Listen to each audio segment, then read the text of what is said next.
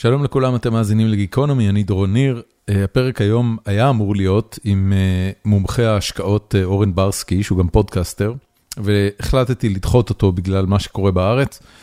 הרגיש לי שלעשות פרק על כסף והשקעות ובורסה ואג"ח לא יהיה כל כך מתאים היום, אז הפרק עם אורן יידחה למועד מאוחר, ותודה לכל מי שהכין שאלות, ואנחנו נשתמש בשאלות האלה בפרק. במקומו, עשיתי פינג ליקיר הפודקאסט יאיר נבות, שכבר היה אצלנו בשני פרקים לפחות. בעיקר דיברנו בפעמים הקודמות על אוקראינה והמלחמה ופוטין, והפעם הקדשנו את זה בעיקר לאיך איך ישראל נראית בעולם, ואיך משם, כששם זה גם עבור יאיר אמסטרדם וגם עבורי פה בארצות הברית, נראה העסק שמתחולל כרגע בארץ. ניסיתי בכל כוחי שזה לא יהיה נווה כמוני, ואני חושב שגם הצלחתי, אה, ואני חושב שיש בכך ערך, ו, אה, ובכל מקרה יהיה לכם כיף להאזין. אה, ואם לא הצלחתי, אז, אז תבואו לפורום, פורום החיים עצמם של גיקונומי בפייסבוק ותגידו לי, אני רוצה לשמוע. שתהיה לכם האזנה נעימה, פרק 701 עם יאיר נבות.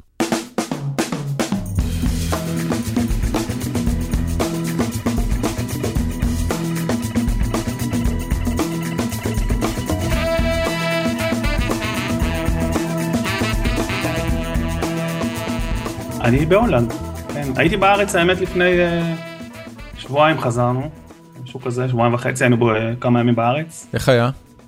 היה, uh, היה מאוד נחמד, אפילו, היה מאוד נחמד, כמו תמיד בארץ. Uh, זה לא באמת חופש, אתה יודע, תמיד ריצות כאלה. ו... כן, כן, כן, זה מאוד ו... מוטרף, כי רוצים להספיק הכל. כן, אבל היה נחמד, אפילו הספקנו לקפוץ להפגנה, uh, ממש לפני שעזבנו, ו... אתה יודע, מרגישים עכשיו בארץ, נדבר על זה. ש... הנה, אנחנו מדברים על זה. עם מי, כן. עם מי דיבר, רק, רק כדי למפות, כאילו אני, אני, אני יודע פחות או יותר איפה אתה ממוקם על המפה הפוליטית, אבל אה, מישהו ב, בשאלות לקראת הפרק הזה, שפרסמתי אתמול, שאתה, שאתה בא להתארח, אה, מישהו כתב, מישהו כתב לי אה, סדרה של ציוצים שלך מטוויטר וכתב לי נווה כמוני. אה, נווה כמוני זה הביטוי ש... רענן שקד השתמש בו כדי לתאר את שכונת מגוריו. הוא אמר, זה כולם אנשים אותו דבר, נווה כמוני, אז גם אני ואתה זה כזה נווה כמוני, אבל ננסה שהפרק הזה לא יהיה נווה כמוני. במשפחה שלך יש אנשים שהם אה, מצדדי רפורמה?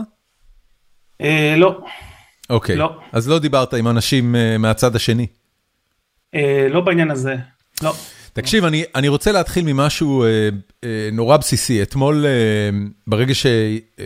יצאה ההודעה על פיטורי גלנט, אז אה, אז התחלתי לה, להאזין באובססיביות לכאן 11, ובאיזושהי נקודה אה, עקיבא נוביק העלה את אה, את דובר המשטרה, ואמר לו, תגיד, אתה מעלה בדעתך שמישהו מהימין, או או באיזושהי פעולה של הימין, התנתקות, הר הבית, לא משנה כאילו איזה אג'נדה הייתה, והם היו יורדים וחוסמים ומבעירים מדורות על איילון, והמשטרה לא הייתה ישר נכנסת לאירוע ומפנה אותם בכוח?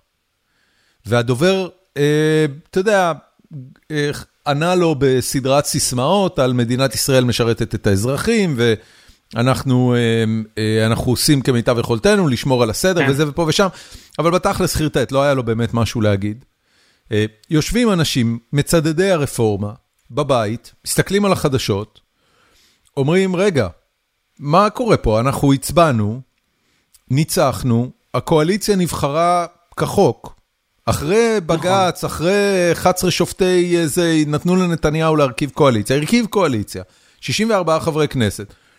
פתאום קבוצה של אנשים, לא משנה, גדולה, משמעותית, אה, אה, באה ומבעירה מדורות באיילון, והמדינה למעשה מושבתת, אה, אה, שביתה כללית, כאילו זה, כן. אחותי תוך כדי שאנחנו מדברים שולחת תמונות עם דגלים מאיילון. כן. מה, מה, זה, מה זה הסיפור הזה? אז ככה, תשמע, קודם כל, אני לגמרי מבין שלרפורמה הזאת, ואתה יודע מה, אתה גם קורא אותי בטוויטר, גם המאזינים שלנו קוראים אותי, אני לא, פי וליבי שווים, אני לא מסתיר את עמדותיי, זאת לא רפורמה. מה שאנחנו רואים זאת לא רפורמה וזה, וזה טעות ולא נכון לכנות אותה כך. מה שאנחנו רואים שהממשלה הזאת עושה, זו אה, אה, חקיקה דורסנית, שמטרתה לשנות תקשיב, את אני, הסדר אני, המשטרי אני, בישראל. עצור, עצור, אני רוצה לעצור אותך. אתה לא, אתה לא פוליטיקאי. עזוב נכון. מה שהממשלה עושה, אני שואל אותך על העניין הספציפי של אכיפת הסדר הציבורי על ידי הממשלה. אני על לא, ידי, על ידי, סליחה, המשטרה. אבל אני מתכוון להגיע לזה, זה אוקיי, ההקדמה שלי. אז סליחה. סליחה. כדי, לא, לא, בסדר. אני אומר שבעיניי, העובדה שהקואליציה הזאת נבחרה כחוק בבחירות, היא כמובן נכונה לגמרי והיא לגיטימית, ויש לה את הסמכות לקבל החלטות ולנקוט במדיניות שהיא רואה לנכון. אבל, מה שאנחנו רואים שמתרחש בישראל בשבועות האחרונים, למעשה מאז שהממשלה אה, הושבעה בתחילת ינואר, זו אה, דחיפה מאוד אגרסיבית של מהלכי, מהלכי החקיקה האלה, שלא מדובר פה בחוק אחד או שניים, אלא באוסף של יותר ממאה חוקים, שחלק גדול מהם, אה, המשמעות שלו היא בפועל, אם זה אכן יאושר, אה, שינוי המציאות הפוליטית החברתית בישראל ושינוי משטרי. וסופה של ישראל כדמוקרטיה. עכשיו, זה חשוב, ההקדמה הזאת חשובה, כי זה מוביל אותי הלאה. מה שאנחנו רואים ברחוב שקורה, זו תוצאה ישירה של ציבור גדול, ציבור אזרחים גדול, והוא הולך וגדל אגב, והוא לא רק שמאל, כי אין כזה שמאל בישראל בכמויות כאלה, ולכן אנחנו רואים שיש קהל עצום ורב ממקומות שונים, ממגוון קהלים, שחושבים ומאמינים שמה שהממשלה הזאת עושה הוא לא לגיטימי בפן של הרפורמה, והם יוצאים לרחובות והם מפגינים. עכשיו, אתמול בערב, בעקבות הפיטורים של גלנט שהיממו הרבה מאוד אנשים, כן. אפשר היה לראות שהדבר הזה לא היה מאורגן בשום צורה. אני בתקופה האחרונה עוקב באופן... לא, לא, זה לא, זה לא היה. מאורגן, זה לא היה מאורגן, זה לא היה בתיאום עם נכון, אני המשטרה. אומר, זה לא היה מאורגן, וירדו לאיילון כן. עשרות אלפי בני אדם. עכשיו, יש משטרה. משטרה בין השאר התפקיד שלה זה לשמור על הסדר הציבורי ולוודא שהסדר הציבורי לא יופר. עכשיו, זה לא מצב רגיל מה שהיה אתמול. כש, כש, כש, מה אני מתכוון? כשיש לך 100, 100 מפגינים על איילון, או 200 או 300 מפגינים על איילון, יש למשטרה את הכלים ואת היכולת לפזר אותם בכוח אם צריך, וזה כבר נעשה במסגרת הפעולות של המשטרה בשבועות האחרונים. נתנו להם לעלות על איילון, ואז פינו אותם, ועצרו אותם, ועם פרשים, בסדר, ומכתזיות, בסדר גמור. אה, מה שקרה אתמול, אני חושב שהוא אה, בהרבה בחינות גם הימם את המשטרה עצמה, היא לא הייתה ערוכה למצב שבו... כן, זה גם לא היה 20,000 מתואם, אף אחד לא. אמר להם הולכת להיות הפגנה. לא, אני לא מאשים אותם, אני אומר שזה קרה, מאוד מהר, כן. ולכן צריך להבין שמשטרה, וצריך לומר את האמת, בסיטואציה הספציפית ההיא שנוצרה, לא מסוגלת לפנות. אפשר אה, להתווכח על זה, אפשר לכעוס עליהם, אתה יכול לפנות 100 איש, 200, 300, משטרה לא יכולה לפנות- לפנות 20 אלף איש מכביש ראשי, לא יכולה. אין לה את. הכוחות, אין לה את הכוח לעשות. הבנתי, אוקיי. וזה לא אירוע שחוזר על עצמו כל יום, בוא.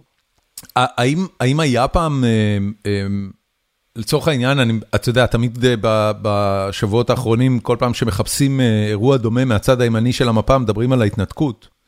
אה, האם, בהתנתקות היו הפגנות ספונטניות שחסמו כבישים ראשיים ל, לשעות ארוכות?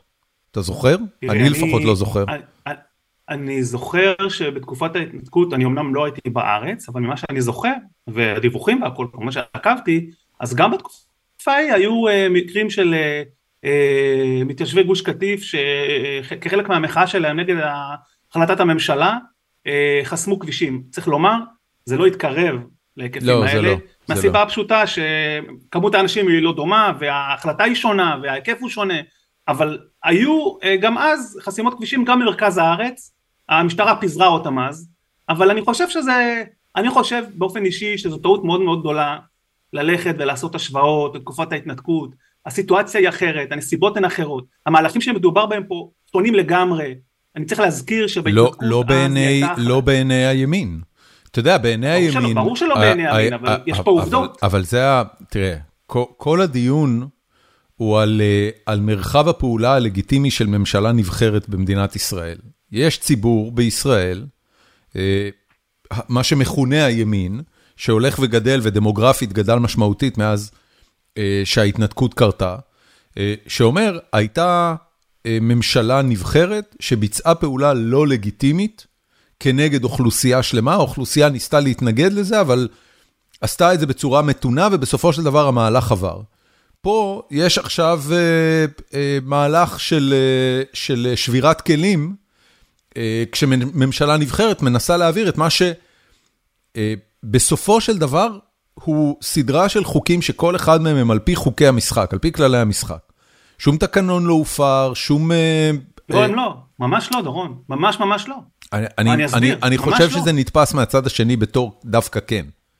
ואני, ואני רואה אגב את התסכול ברשתות חברתיות, אני רואה אני רוצה, אה, אני רוצה אנשים שאני עוקב פה... אחרי מהימין שאומרים, תקשיב, אני מבין. We can't do anything right. ממשלה אה, אה, תומכת שמאל עולה, ישר עושה שינויים, על הראש שלנו אין לנו מה להגיד.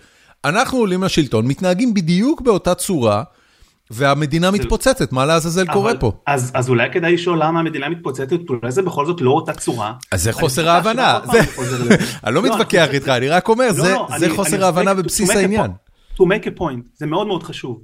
אני רוצה לומר, החזרה הזאת לתקופת ההתנתקות והאשמות אה, שווא וטיעונים לא רלוונטיים לגבי מה שהיה אז והשוואות לא קבילות למה שקורה היום, הם פשוט לא במקום. אני חוזר ואומר שאת ההתנתקות, ההתנתקות היא הייתה מהלך שנוי במחלוקת מאוד, ואני כמובן מקבל את זה ומבין את זה שהוא היה מעורב בו סבל וכאב למתיישבים, אני כמובן לחלוטין מבין את זה, אני גם מבין את המחאה שלהם, במדינה דמוקרטית מותר למחות, אז זאת הייתה החלטה חוקית שעברה על ידי ממשלה לגיטימית, ממשלה ימנית בהובלת אריאל שרון זכרו לברכה, ההחלטה הזאת אושרה בממשלה, קיבלה את אישור הכנסת והוצאה לפועל, אוקיי? זה מבחינה הזאת הייתה החלטה אה, מאוד מאוד אה, אה, קשה ו, ובעייתית, כמובן מבחינת האופן שבו זה השפיע על מתיישבי גוש קטיף, אבל היא הייתה החלטה חוקית ולגיטימית. להבדיל אלף אלפי הבדלות. המצב היום הוא, א', שהחקיקה הזאת עדיין לא עברה. זאת אומרת, אנחנו נמצאים כרגע בשלבים של, שהקואליציה הנוכחית מנסה לחוקק את החוקים האלה, אנחנו רואים ששלושה חודשים בלבד מאז שהקואליציה הזאת נכנסה לעבוד, אנחנו רואים את העוצמות של ה-rejection, של ההתנגדות שהיא בעצם מייצרת. עכשיו זאת לא התנגדות רק של שמאל, הרי זה קשקוש. לא, עזוב את זה, לא, לא מעניין. כן, כן, ברור. לא, ברור. כי הרבה אנשים מציגים את זה השמאל לשמאל, זה לא שמאל. כל, זה ימין, כל מי, ש, כל מי שלא תומך בביבי הוא שמאל, זאת ההגדרה שלו. אתמול גלנט נהיה שמאל. אז אה, נכון, שמאל זה דבר נורא פלואידי, לא הייתי, לא מתייחס לזה ברצינות. אני חושב, שמה שחשוב להבין זה מה הסיבות לאופן שבו הציבור שהגיב, למשל אתמול, מגיב כמו שהוא מגיב.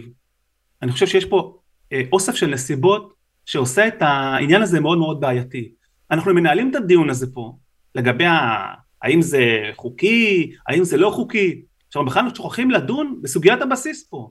בסוגיית הבסיס פה, שיש פה מנהיג או ראש ממשלה שהוא נאשם בפלילים והוא תובע בניגודי עניינים והוא בשל מצבו המשפטי חלש, סחיט, מעיך ופריך כמו שאני כותב הרבה פעמים והקואליציה הזאת היא הדוגמה הכי טובה לאופן שבו הוא נסחט. כל צעד מושך לו בחולצה והוא רוצה אה, לקבל ממנו את, את המקסימום. והוא בגלל מצבו בגלל מצבו הוא לא כזה מסכן אבל בגלל מצבו הוא נאלץ כדי לשמר את הקואליציה הזאת, לאשר את כל, כמעט כל הבקשות ההזויות של הקואליציה הקיצונית שלו. כן. וזו בעיה. בוא נדבר רגע, בוא נדבר רגע עליך. אמ, דבר כזה קורה, מה המודוס אופרנדי? כאילו, מה, מה, מה לך קורה כשדבר כזה קורה בארץ? אתמול יצאה הודעה של uh, uh, גלנט, ל, ל, סליחה, ההודעה של נתניהו לפ, על פיטורי גלנט. מה קורה לך באותו רגע? כאילו, מה התפקיד שלך באירוע? קודם כל, ברמה האישית, אני כמובן אה, עוקב מאוד מקרוב אחרי כל מה שקורה, אה, בקשר עם אנשים כאלה ואחרים ו- בישראל, וישראל, אה, למרות שאני לא גר בה, אתה יודע, היא כמובן, אה, כמו הרבה מאוד ישראלים בחו"ל אגב, שאני שומע מהם, מחברים פה ומאחרים, אה, לא יכולים אה, להתעלם ממה שקורה בארץ, כן. הזה... אנחנו, אנחנו אקס-פטריוטים, אנחנו חיים בשלוחה ישראלית באוסטין, באמסטרדם, בכל מיני מקומות. כן, אנחנו אה, אה, אזרחים אה, אה, שגרים בחו"ל, אבל מאוד מאוד דואגים ועוקבים אחרי מה שקורה בישראל, וכל מה שקורה שם מדאיג אותנו, כי אנחנו אוהבים את ישראל, ואנחנו פטריוטים, כן. וכואב לנו לראות שישראל נמצאת במצב כזה, שבו היא עלולה להידרדר לקרע פנימי כזה עמוק. אז ברמה האישית שראיתי את הדבר הזה, כמובן ישבתי בלי הפסקה מול המסכים, והרגשתי קודם כל סוג של כמובן כאב גדול, והרבה חוסר ודאות, וחשש, אתה יודע, חשש לגבי מה שהולך לקרות, מה הולך להיות, מה, הולך להתרחש במדינת ישראל? האם אנחנו עומדים עוד פעם להגיע לכדי מצב של עימות חלילה פנימי, אנשים מדברים על מלחמת אזרחים, אני מאוד חושש משפיכות דמים, אנחנו, בזמן שאנחנו מדברים, יש שתי הפגנות לא רחוקות אותו מזו, של, כן. של אה, תומכי החקיקה ושל מתנגדיה, והאווירה בארץ כרגע היא כל כך נפיצה, שמספיק, אה, אתה יודע, כל העדי דלק שם, מספיק גפרור קטן כדי להצית משהו נורא, נורא ואיום, ואני מאוד אני, מאוד אני אגב לא חושב, אני חושב, אה, קודם כל, יש סכנה אמיתית, ובמיוחד הערב ראיתי את הפרסומים של אה, בן גביר על, אה, על הפגנות ימין, עולים לירושלים וכל זה. כן. יש פוטנציאל אמיתי לשפיכות דמים, אני, אני חושב שהתגובה לשפיכות דמים תהיה שונה לגמרי, זאת אומרת, אם חס וחלילה, ו, ואני מאוד מאוד מקווה שזה לא יקרה, אבל אם חס וחלילה מישהו מ, מ, מכל צד, אה, יזרוק רימון או או, או יירה כדור לצד השני, אותו צד שירה את הכדור, באותה שנייה קוטע את המחאה ונגמר הסיפור. זו זו הגיש, זה זה האמונה שלי. ככה אני מנתח את המצב. אתה אומר, יש פה אנשים שיכול להיות להם אינטרס לדבר כזה. אה, קודם כל, העובדה שבן גביר, בן גביר הוא בן אדם שקוף, במובן הזה שה... האינטרסים והגחמות שלו באים לידי ביטוי בפוסטים ובאסטרטגיה הפוליטית שלו תוך שנייה. הוא לא מחכה, הוא פועל ממקום מאוד מאוד... אה, הוא לא פוליטיקאי. בדיוק. ולכן, אה, העובדה שהוא אה, קורא לאנשי ימין לעלות ולהפגין בירושלים היא מאוד ברורה. היא מאוד מאוד ברורה.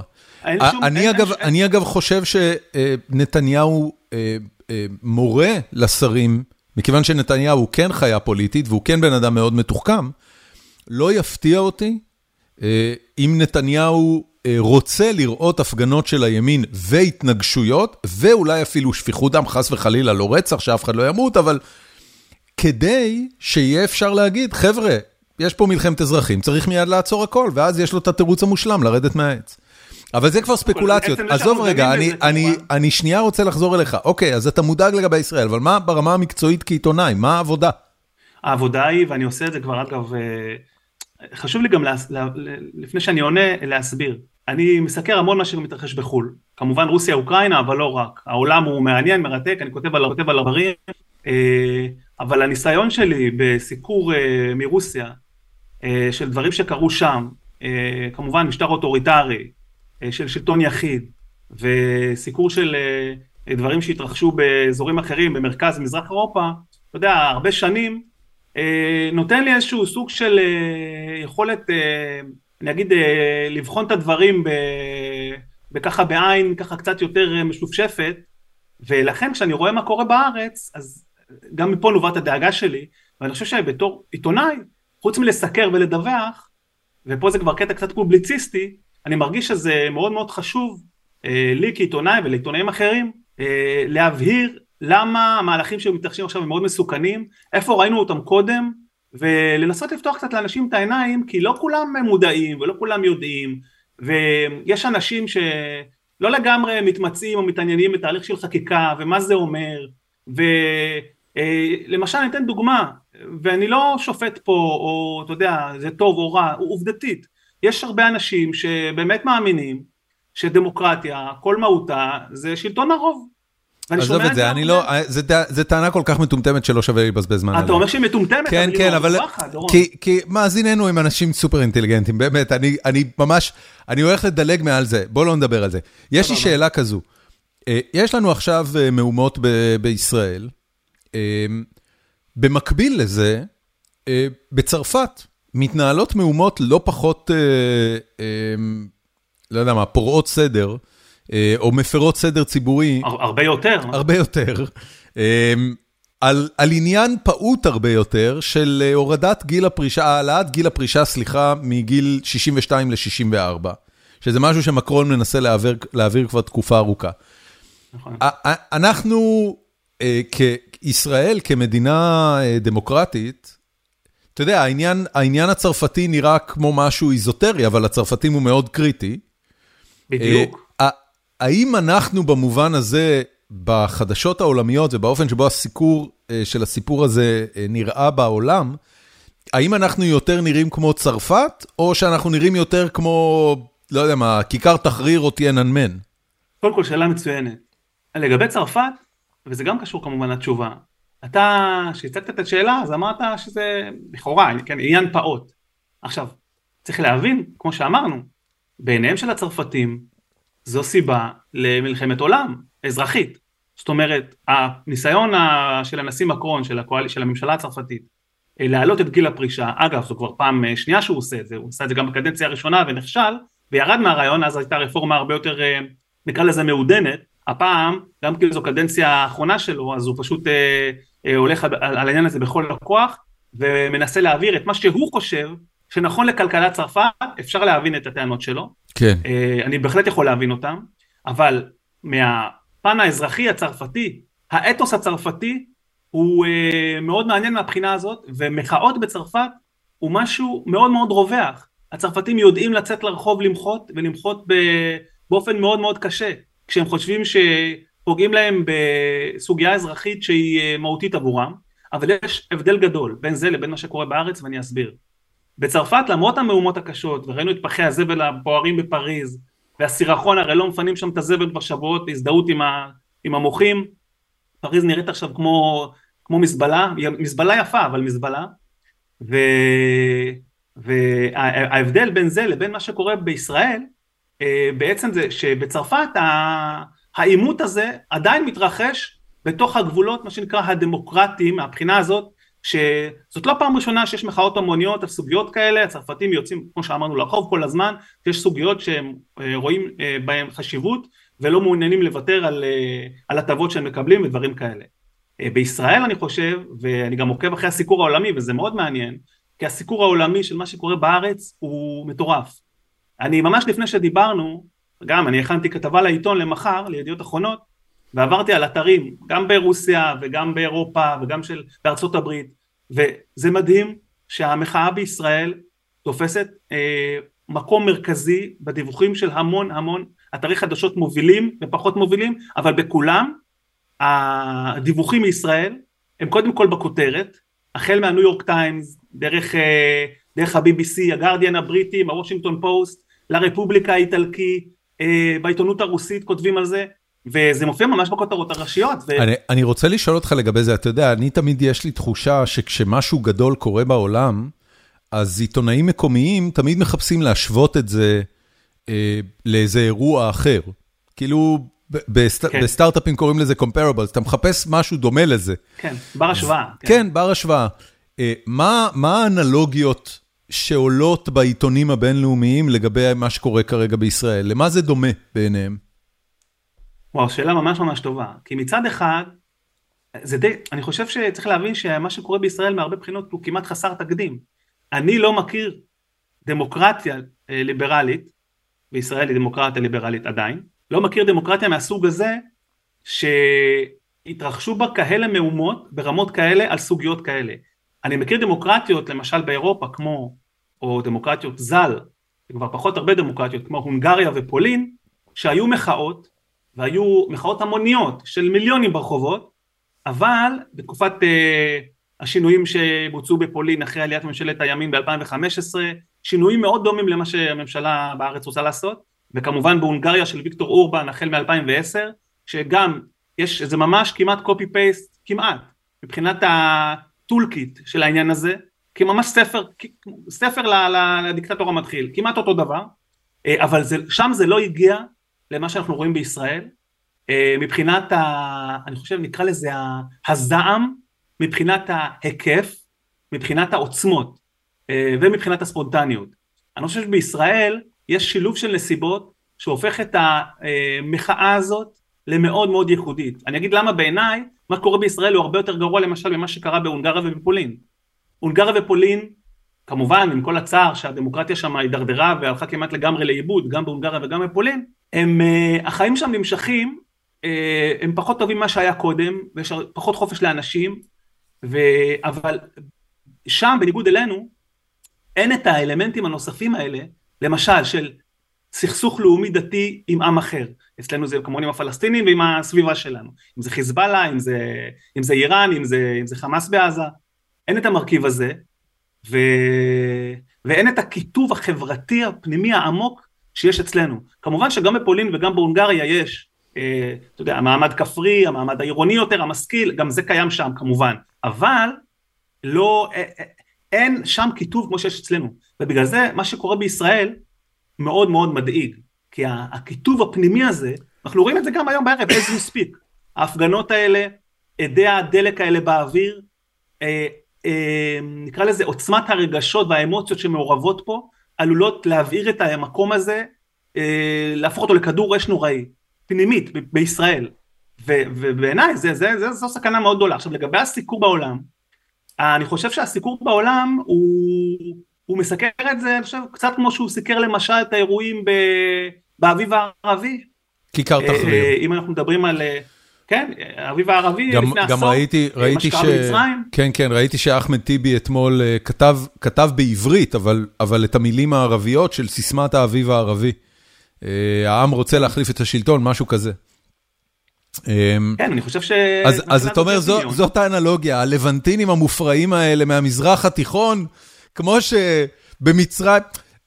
אוקיי, לא, לא, האמת היא שלא, לא, כי הם לא רואים את ישראל, צריך להגיד, התקשורת המערבית למשל, לא רואה את ישראל אה, כמו שהיא ראתה את מצרים, מהסיבה הפשוטה שישראל היא אכן דמוקרטיה, אני מזכיר, מצרים של מובארק לא הייתה דמוקרטיה, כל המדינות כמעט של האביב הערבי, כמובן סוריה, כמובן מדינות אחרות, כמובן בצפון אפריקה, אנחנו לא מדברים פה על דמוקרטיות, אנחנו מדברים על אה, מחאות כן, אבל, אבל יש נרטיב. שהולך ומתקדם בעולם, והנרטיב הזה, אה, בין היתר, אה, אה, מגובה על ידי השלטון האמריקאי, שסירב להזמין את נתניהו מרגע שהיבחרו.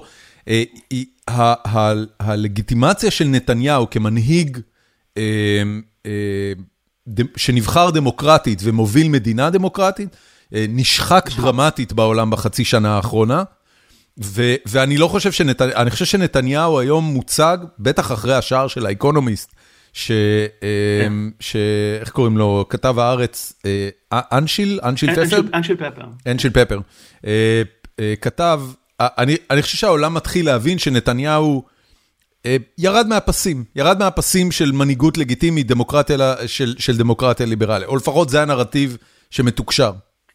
אני חושב שהדבר הזה נכון ביתר שאת, כמובן מאז שנתניהו אה, הושבע כראש ממשלה בחודש ינואר, דהיינו בשלושת החודשים האחרונים, ואני חושב שהחיבור שעושים לגבי נתניהו, ואני ראיתי כאלה כתבות ב- במגזינים מאוד, אה, אה, מאוד נחשבים ואיכותיים, אה, וגם בפייננשל טיימס כמדומני, אה, נתניהו עכשיו הרבה פעמים מצורף לרשימה לא כל כך מחמיאה של מנהיגים, מנהיגים פופוליסטים אה, שהפכו סדרי שלטון במדינתם וסדרי משטר. הוא הרבה פעמים מופיע בצמוד ל, למשל אה, לאורבן בהונגריה. לטראמפ. גם זה מעניין. תקשיב, פה, ב- פה. בארצות הברית, אה, נתניהו אה, יושב מאוד מאוד חזק על הנרטיב הטראמפיסטי. מנהיג אה, פופוליסטי, אה, ו- ואני חייב להגיד, אפ- אפילו בתור מישהו שמאוד לא אוהב את נתניהו, ההשוואה הזאת עושה לו עוול, כי בהשוואה לטראמפ, נכון. נתניהו הוא גאון הדור, ועדיין, מבחינת התפיסה הציבורית האמריקאית, טראמפ עם נתניהו. אה, וביידן, אגב, עושה מאמצים מאוד ברורים אה, לייצר את התחושה הזאת, הממשל של ביידן לא רוצה לגעת בנתניהו מקילומטר. אה, נכון, בסדר. אבל צריך לשאול למה. ת- כן, אנחנו- אנחנו יודעים למה. כן, לא, תגיד. זה- אני חושב ש- אני חושב שזה מאוד מאוד חשוב אה, כשאנחנו דנים בעניין הזה אה, להסביר למה בשלושה, איך יכול להיות שבשלושה חודשים, שמע, אני אגיד את זה ככה, אני ליוויתי את נתניהו בהרבה מאוד אה, בקרמלין, ביקורים במוסקבה, וסיקרתי פגישות שלו בקרמלין עם פוטין, יש לי לא מעט שעות נתניהו. אה, אני מכיר את האיש, אני חושב שכמו שאמרת, קודם כל, ההשוואה לטראמפ היא השוואה שעושה לו עוול גדול, נתניהו כן. קודם כל לאדם אה, עם, אה, קודם כל אדם כמובן הרבה יותר חכם, עם הבנה היסטורית, עם ידע היסטורי, עם אה, יכולות שלטראמפ אין ולעולם לא יהיו, נתחיל מזה. אז ההשוואה בבחינה הזאת היא כמובן לא נכונה. אה, יש אה, דמיון אה, מאוד מעניין בפן האישיותי של השניים, יש לא מעט דמיון בין, בפן האישיותי. אה, גם באופרציה הפוליטית. כן, אבל נתניהו אה, פוליטיקאי אה, משופשף ומנוסה נכון, מאוד. נכון, נכון, נכון. שטראמפ איננו. לא, אין, אין, אה, אין ויכוח לגבי זה, אין ויכוח לגבי כן. זה. אה, ואני חושב, אני, ואני שואל את עצמי, כשאני רואה את נתניהו בנסיעות האלה האחרונות, בחודש האחרון, אתה רואה איך הוא מתקבל במקומות שהוא היה בהם, ברומא, בגרמניה, שהוא עבר ביקור לדעתי משפיל עם הקנצלר שולץ, כן, והביקור האחרון בשבוע שעבר אה, בלונדון עם ראש ממשלת בריטניה רישי סונאק, הביקורים האלה לא עשו לו טוב, הם רק אה, שחקו עוד יותר את המעמד שלו, הם רק אה, פגעו עוד יותר בתדמית שלו, כן, ו... ואני חושב שמעבר ל... מעבר לעניין של תדמיות, אני חושב שיש פה עניין עמוק יותר, ויש פה אה, אה, מצב שעלול להוות אה, פגיעה אה, מאוד מאוד אה, מורכבת ביחסי החוץ של ישראל, ובקשרים אה, של ישראל אה, עם הידידות הכי הכי קרובות שלה, ושלא יהיה ספק לאף אחד שהמשך בנתיב שבו ישראל הולכת כרגע, אה, יפגע בה גם בפן האסטרטגי וגם בפן הביטחוני ובכל מה שקשור ליחסים עם טובי הידידות שלנו. וכל אחד צריך לעשות את החשבון שלו, אם, אם זה שווה את זה, פשוט מאוד. כן. אה, בוא נדבר דקה על יאיר נתניהו.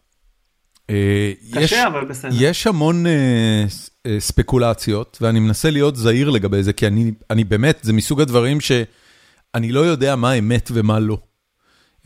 יש ספקולציות שהוא לוחש על אוזנו של אביו ברמה כזו, שכל הפוסטים שיוצאים הם, הם, הם, הם בגללו, ההחלטה לפטר את גלנט הגיעה ממנו. מה, מה אנחנו יודעים כרגע, עובדתית, לגבי המעורבות של יאיר נתניהו בהובלת המדינה בעת הזו? קודם כל, אה, אני חושב שצריך להיות ברור אה, שליאיר נתניהו יש השפעה על אביו. זאת אומרת, אני אומר את זה באופן חד וחלק. אה, אנחנו, הרי לא מדובר פה בבחור, הוא כבר לא ילד, כן? לא מדובר פה באדם, בחור בוגר בן יותר מ-30, שכמו אח שלו, הצעיר, לא כל כך מתבטא בעניינים האלה, שומר על פרופיל נמוך, לא, כמעט שלא מתבטא בפוליטיקה. כן, אנחנו בהחלט יודעים שיאיר נתניהו, הוא בעצמו מתבטא בטוויטר אה, אה, בהרבה מאוד ציוצים, אה, יותר ממתבטא בטוויטר, אנחנו יודעים שהוא מבקר במקומות, אנחנו יודעים שהוא למשל ביקר בהונגריה אה, לאחרונה כחלק מאורח של אותו מכון מחקר פרו-ממשלתי, אה, שמאוד מכבד אה, חוקרים ישראלים אה, מימין, אה, והשתתף בכנסים ובפורומים זאת אומרת, הדברים פה הם מאוד ברורים מבחינת תפיסת העולם שלו וההשקפה שלו, הוא לא טורח להסתיר את זה. ואם אנחנו מוסיפים לזה בחינה של החלטות שונות אה, שנתניהו אה, לקח בשנים האחרונות, אה, שחלקן היו גם תוצאה של פליק פלקים ושינויי החלטה ברגע האחרון, או שינוי החלטה של 180 מעלות אחרי שדברים כבר הוחלטו, אני חושב שצריך להיות אה, די ברור שלבן שלו יש השפעה עליו, ולא רק לבן שלו, אלא גם לרעייתו. אני לא מספר פה שום סודות, אלה דברים שהם אה, נאמרו על ידי הרבה מאוד אנשים שאני אז מכבד, הנה, מוקיר הנה, ומעריך. הנה השאלה, אוקיי? כי, כי אני, אתה יודע, בסיטואציות כאלה, מכיוון, מכיוון שאני לא יודע באמת מה קורה, אז, אז המוח גולש לדמיונות כמעט פנטסטיים. אתה זוכר בשר הטבעות, יש שם דמות של אה, מלך, שהעיניים שלו כאלה מצועפות, והוא כבר זקן, והזקן שלו לבן, ויש לו איזה יועץ אה, נכלולי ו- ו- כן. ומזכיר נחש בחזות שלו, שלוחש את אוזנו, ובאיזושהי נקודה הוא גם אה, מתעורר וחוזר להיות אה, סבא טוב ומיטיב. אתה יודע, זה, זה ה... ככה נתניהו, ככה זה יאיר... הקונוטציה שאתה מכבד. כן, ככה יאיר נתניהו מצטייר ממה שאומרים עליו במדיה חברתית, אבל אני מסתכל ואני אומר, אוקיי, אם נתניהו הוא באמת אופרטור פוליטי אינטליגנטי אה, ויעיל, כמו שאנחנו יודעים ומכירים אותו, אז מה באמת יכולה להיות ההשפעה? הרי, הרי מן הסתם גם הוא מבין שהילד שלו הוא, הוא דביל גמור. א', אני לא יודע.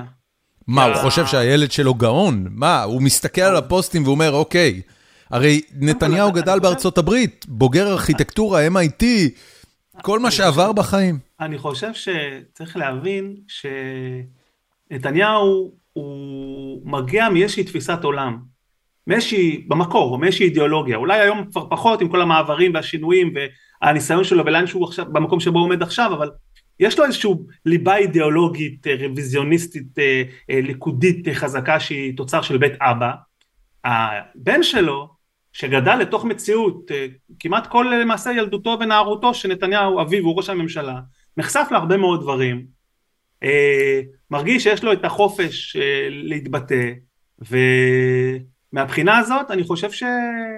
אגב, הדברים האלה שאנחנו מדברים עליהם, גם נחשפו כחלק מאותן פרשיות שבהן כרגע נאשם נתניהו בפלילים, אם זה תיק 4000 וכל ה... כל, ה, אה, כל החשיפות, החקירות עדים, כל מה ששמעו לגבי ההתנהלות אה, של נתניהו ושל יאיר בבית, למשל לגבי היחס לתקשורת הישראלית ואיך צריך לשלוט בה או מה צריך לעשות, יש פרוטוקולים שמראים שיאיר נתניהו מעורב בדיונים, אומר את דעתו, צורח על אה, צורח על אנשים אחרים שמדברים עם אוויר. מה זה אומר פרוטוקולים? אלה ישיבות מתועדות שבהם מישהו רשם תקציר והוא כותב יאיר נתניהו נקודותיים מה הבן אדם אמר? יש. יש את העדויות. זה עדויות, זה לא, זה לא כן, פרוטוקול לא, לא של ישיבה. התכוונתי אה, אה, עדויות במשפט, כן. אוקיי, אוקיי. במשפט שמתנהל ובחקירות ובעדויות. בדברים האלה. בשעות הנתניהו הרבות שאתה צברת, הוא היה פעם עם יאיר נתניהו? ראית את הדינמיקה ביניהם? לא, אני לא ראיתי את הדינמיקה אה, ביניהם באופן ישיר, אבל אה, היום אנחנו יודעים הרבה יותר, יותר הרבה, הרבה יותר על זה ממה שידענו אה, קודם. יש לא מעט אנשים שנחשפו וסיפרו על, על מה שקורה שם.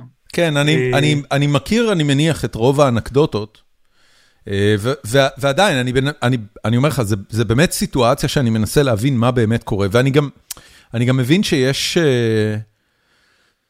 יש גם עניין של תיבות תהודה שונות. תיבת תעודה ימנית, תיבת תעודה אה, שמאלנית וכולי, אולי מרכזית, כלל ישראלית, הייטקיסטית, you name it.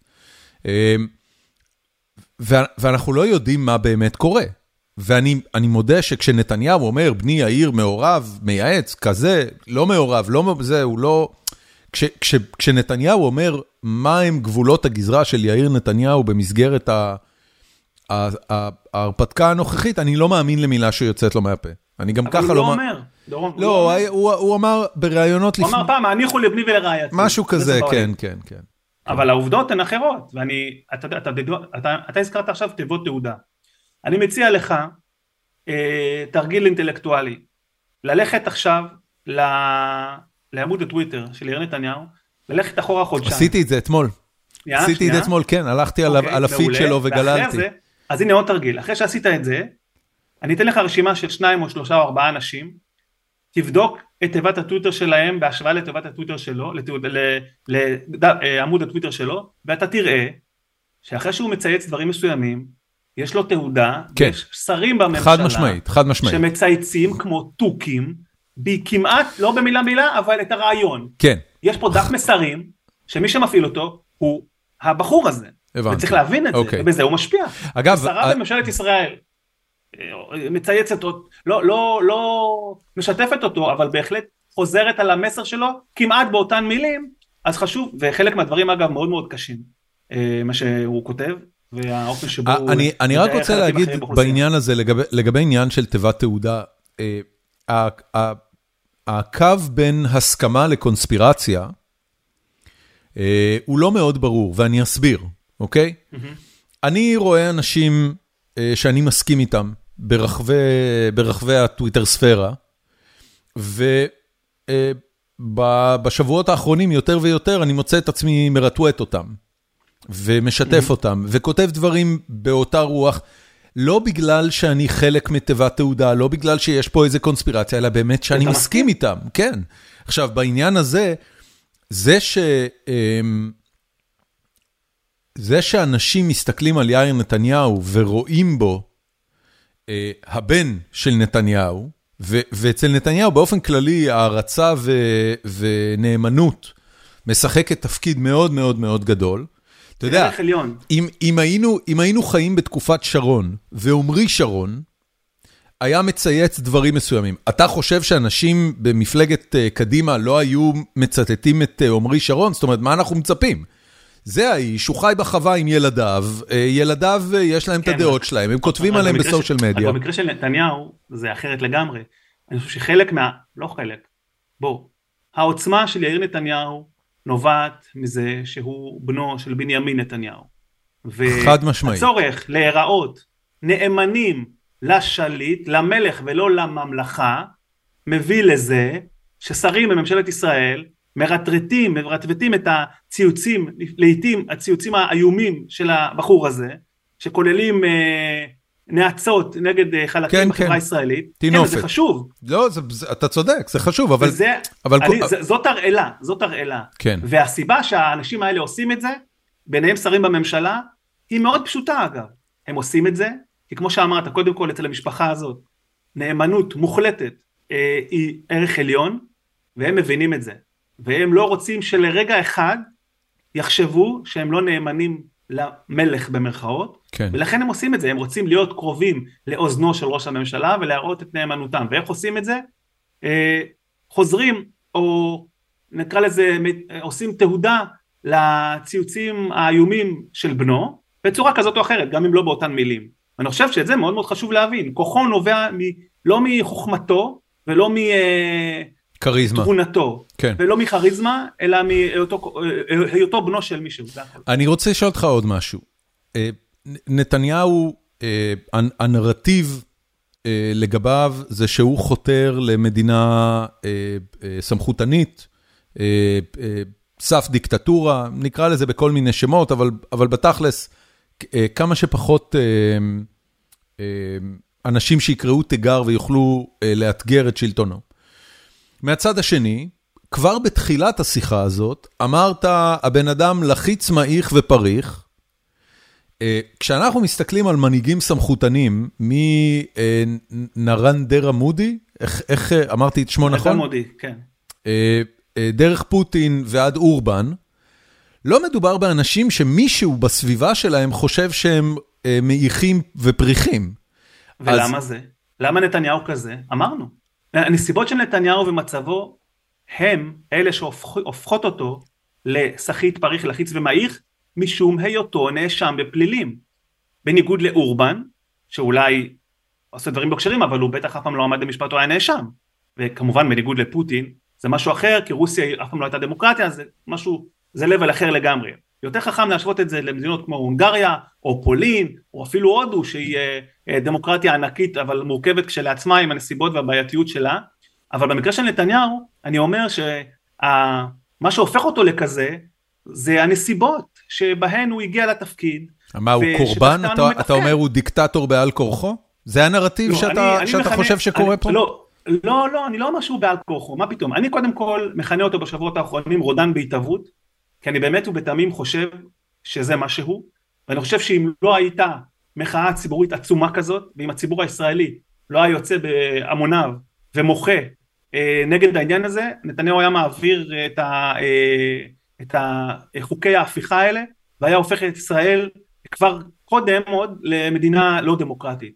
אני לא יודע, דיקטטורה, משטר לא דמוקרטי, יש לו כל מיני רמות, זה יכול להיות אה, אה, משטר אוטוריטרי אה, בקשת אה, אה, חמורה יותר, זה יכול להיות משטר אוטוריטרי אה, מקל יותר בדברים מסוימים, אבל השורה התחתונה היא שאנחנו נמצאים במצב הנוכחי הנורא והיום הזה, אה, אמרנו את זה קודם, אנחנו נמצאים במצב הנוכחי ולא היינו צריכים להגיע אליו, אנחנו נמצאים פה בגלל תקלה איומה, שבמדינה דמוקרטית, נורמלית, עם, עם כללים וחוקי משחק ברורים, נאשם בפלילים לא יכול להיבחר לראשות ממשלה ולתפקיד של נבחר ציבור עד שהוא לא מנקה את עצמו. העובדה שהממשלה הקודמת אה, פחדה וחששה לחוקק את חוק הנאשם, חוק שהיה אה, עושה אה, סדר בעניין הזה לדורות קדימה ומונע מנאשמים להיבחר כנבחרי ציבור, אה, היה אה, פותר לנו, לא היינו מגיעים למצב של היום. אני רוצה לה, להגיד משהו מאוד מאוד חשוב, אין לי משהו נגד הליכוד או נגד הימין באופן כללי כהליכוד או כמשהו ימני. אני חושב, ואני אגיד יותר מזה, אני חושב שאם הליכוד בזמנו היה גורם לנתניהו ללכת, הוא יכול היה להיות עם ראש ממשלה מתוך הליכוד בראשות מפלגת אה, ממשלת אחדות דורות קדימה. אני חושב שהעובדה שהם ממשיכים ללכת עם נתניהו כמנהיג, במידה רבה היא זו שגרמה למצב להסתבך באופן שבו הוא הסתבך. כי אנחנו מגיעים לצומת שבו יש יותר מדי אה, הסתבכויות וסיבוכי עניינים וניגודי עניינים שהמכונה הזאת כמו המכונה הזאת שנוסעת נוסעת ובשלב מסוים פשוט כל הברגים מתפרקים, היא פשוט מתפרקת. וזה מה שאנחנו רואים כרגע. במוקדם או במאוחר העסק הזה יקרוס, הממשלה הזאת תקרוס לתוך עצמה. השאלה היא באיזה מחיר ומה כולנו נשלם. האם אזרחי ישראל ישלמו? האם אנחנו נעבור קרע פנימי חלילה מלחמת אזרחים? מה צריך עוד לקרות כדי שישראל אה, אה, תצא לדרך חדשה. עכשיו אני רוצה לומר שהמשבר האדיר הזה שאנחנו עכשיו עומדים בו, שלדעתי עדיין לא הגענו לשיאו לצערי, או נגרע לו לשפל שלו, אני חושב שמצד שני אני פה, רואה פה גם, כמה שזה קשה להגיד, אה, דברים אה, חיוביים.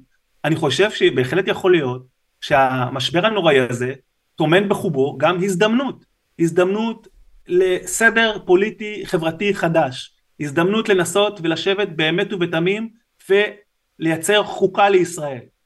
אבל יש פה פרט מאוד חשוב, כל הדברים האלה לא יכולים להתרחש כל עוד נתניהו הוא ראש ממשלה. כאילו שנתניהו לנקודה, משום שנתניהו... הרי, הרי לנתניהו יש את הקונצנזוס הכי רחב, אתה יודע, אם, אם נתניהו היה אה, חוזר לדרך שהיא אה, בסופו של דבר מרכזית, בוא נניח שהוא מצליח למצוא את דרך הביניים, שביל הזהב, שבו הוא גם אה, נותן למפלגות החרדיות שאפקטיבית מחזיקות אותו בשלטון, ולימין המתנחלי שאפקטיבית מחזיק אותו בשלטון, את מה שהוא רוצה, ועדיין שומר על ישראל כמדינה אה, אה, דמוקרטית, כפי שהייתה במהלך ה... לא יודע מה, 30 שנה האחרונות. דורון, דורון, it's too late. חבל לא, לא, בסדר, אבל, אבל אם הוא היה עושה את זה, הזאת, זה נגמר. איזה בן אדם במערכת הפוליטית מסוגל בכלל להתקרב לרמת הקונצנזוס שנתניהו יכול לייצר? איזה קונצנזוס? הרי חצי עם מתעב אותו עד אימה, וחצי עם מהלל אותו כמו משיח. אה, הוא לא מייצר קונצנזוס, הוא מייצר קיטוב איום ונורא. יש מישהו במערכת הפוליטית שלדעתך יכול לעמוד בראש המערכת ולא לאכול ערימות של חרא אה, אה, יותר ממה שנתניהו אוכל כרגע? עזוב אותך, זה לא רלוונטי. אתה לא עונה לי. יכולה... תראה, אני אענה לך. אין לא, בן אדם. לא, שנייה, שנייה, שנייה. שמש העמים. אני גם אמרתי, לפני, אמרתי את זה גם לפני הבחירות האחרונות. צריך להבין, מדינת ישראל הייתה חזקה והתקיימה לפני נתניהו, ומדינת ישראל תמשיך להתקיים, I hope, ותתקיים ותהיה חזקה גם אחרי נתניהו. לא יכול להיות שבן אדם אחד מייצר מציאות שבה הוא, הוא, היצור, הבן אדם היחיד שיכול להוביל.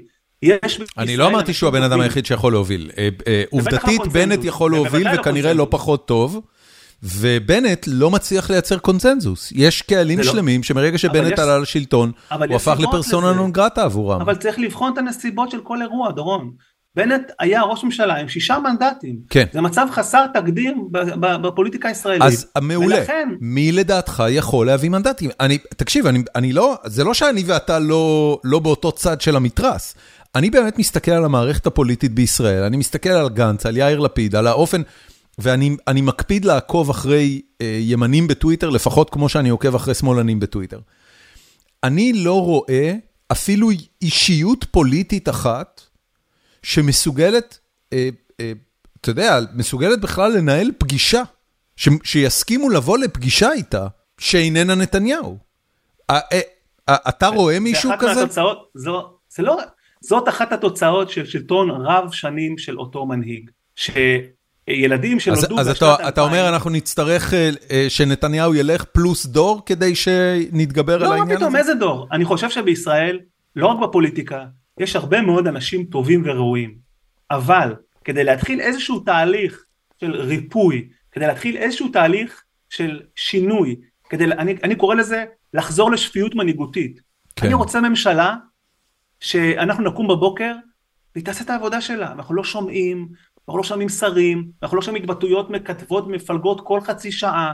האזרח הולך לענייניו, לעבודתו, לחוגים שלו, לטיולים שלו, לחיים הנחמדים שיש לו, והממשלה עושה את עבודתה, בלי לקטב, בלי לפלג, בלי להסית. פשוט כן. ממשלה נורמלית שפויה. אז אתה שואל אותי מי יש כזה. אני חושב שכשיגיע הזמן, יהיו בחירות, כל רשימה מציגה את המועמדים שלה, אני חושב שגם אה, בליכוד אפשר היה אה, לחשוב שיש דמויות שיכולות, אה, הרי בסופו של דבר נתניהו יעזוב מתישהו, הרי, והעולם ימשיך להתקיים, השמש תזרח והשמש תשקע. הוא יכול, יודע, הוא יכול להיות בכיסא ראש הממשלה עוד עשר שנים. אני לא חושב שבמציאות הנוכחית... בן כמה הוא? 73? 74? השנה בן 74 להערכתי, הוא יליד 49. אוקיי, אז זה 73. יהיה 74, כן. לא, לא בחור צעיר. הוא יכול לתת, בסדר, בן אדם, ביידן, אתה יודע. נכון, נכון, ביידן נכנס לקדנציה שלו ב-80 ומה, 81, 82? ביידן הוא... או שהוא היום בן 82. הרי הכי מנוסים בארצות הברית. כן, כן, כן. אני, השורה התחתונה שלי היא כזאת. אני חושב שבמצב הקשה שישראל עכשיו נמצאת בו, הוא טומן בחובו גם הזדמנות מאוד גדולה.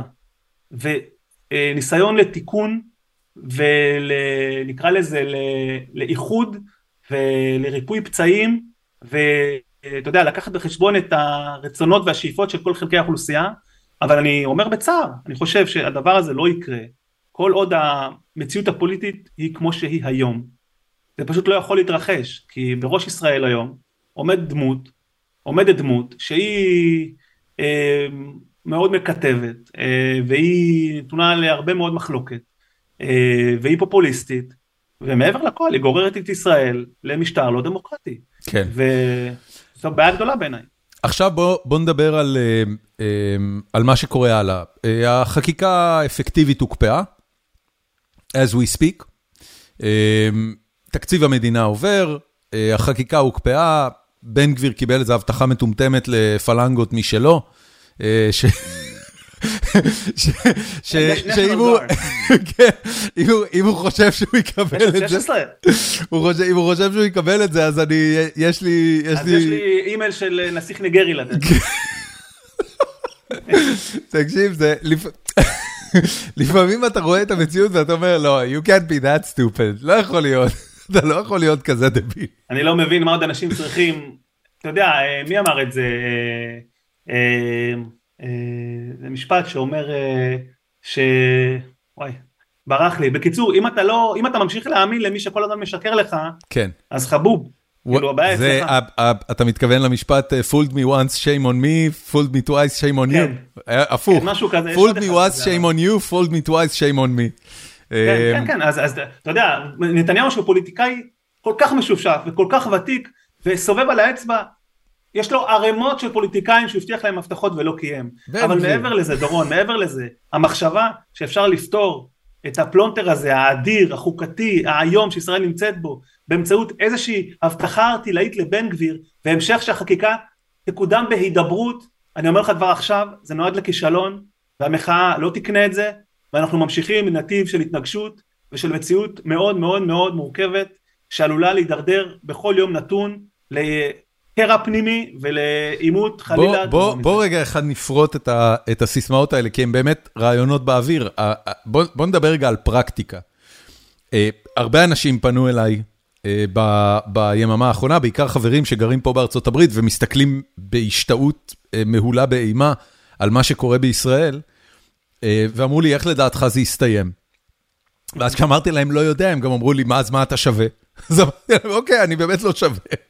לפחות אתה כן. כן, אמרתי, אני לא יודע, אבל, אבל בוא רגע ננסה אה, מתוך ההיסטוריה הגלובלית. אה, אני, אני לא מכיר, אתה יודע, אה, חברים בתל אביב מפנטזים על חלוקה לישראל ויהודה. עזוב את זה, זה... או, אז זה, זה, זה גיחוך, לא נכון? אין, אין מקרה בהיסטוריה של מדינה שהייתה במשבר חוקתי וזה נגמר בחלוקה כזו. לא, יש, יש, יש מדינות דמוקרטיות שהן בנויות ככה. או למשל שווייץ כמובן. בסדר, אבל זה היסטוריה של הסכמות, כן, נכון, בסדר, אבל זה לא ה... אה, אני אומר, אנחנו, אנחנו לא במצב הזה של פדרציה של מדינות או של קנטונים, אה, אין לנו את המבנה הזה, צריך להתחיל לדבר עליו ולייצר אותו, ו, ובכל מקרה דברים כאלה קורים בהסכמה. אז, אז מה בכל זאת יכול, אה, מה, מה אנחנו יודעים מההיסטוריה וממדינות באירופה, שהיה התוצאה של משברים חוקתיים כאלה, הרי היו דברים כאלה סביב התפוררות הגוש הקומוניסטי. כן, תראה, ברוב, ברוב המדינות של הגוש הקומוניסטי, של אחרי הגוש הקומוניסטי, דווקא העניינים נפתרו בלי שפיכות דמים, והמעבר לדמוקרטיה ברוב המקומות האלה היה אומנם מאתגר ומאוד מורכב, אבל עבר. אם אנחנו למשל מסתכלים על המדינות הבלטיות, אסטוניה, ליטא ולטביה, שגם היו חלק מברית המועצות והפכו להיות uh, חלק מהאיחוד האירופי וחלק מנאטו, יש מדינות שזה הלך הרבה יותר קשה, אבל ברוב המדינות הדברים האלה הסתדרו בסופו של דבר, אני חושב שישראל היא מאוד ייחודית ולכן גם קשה להשוות אותה למקומות אחרים.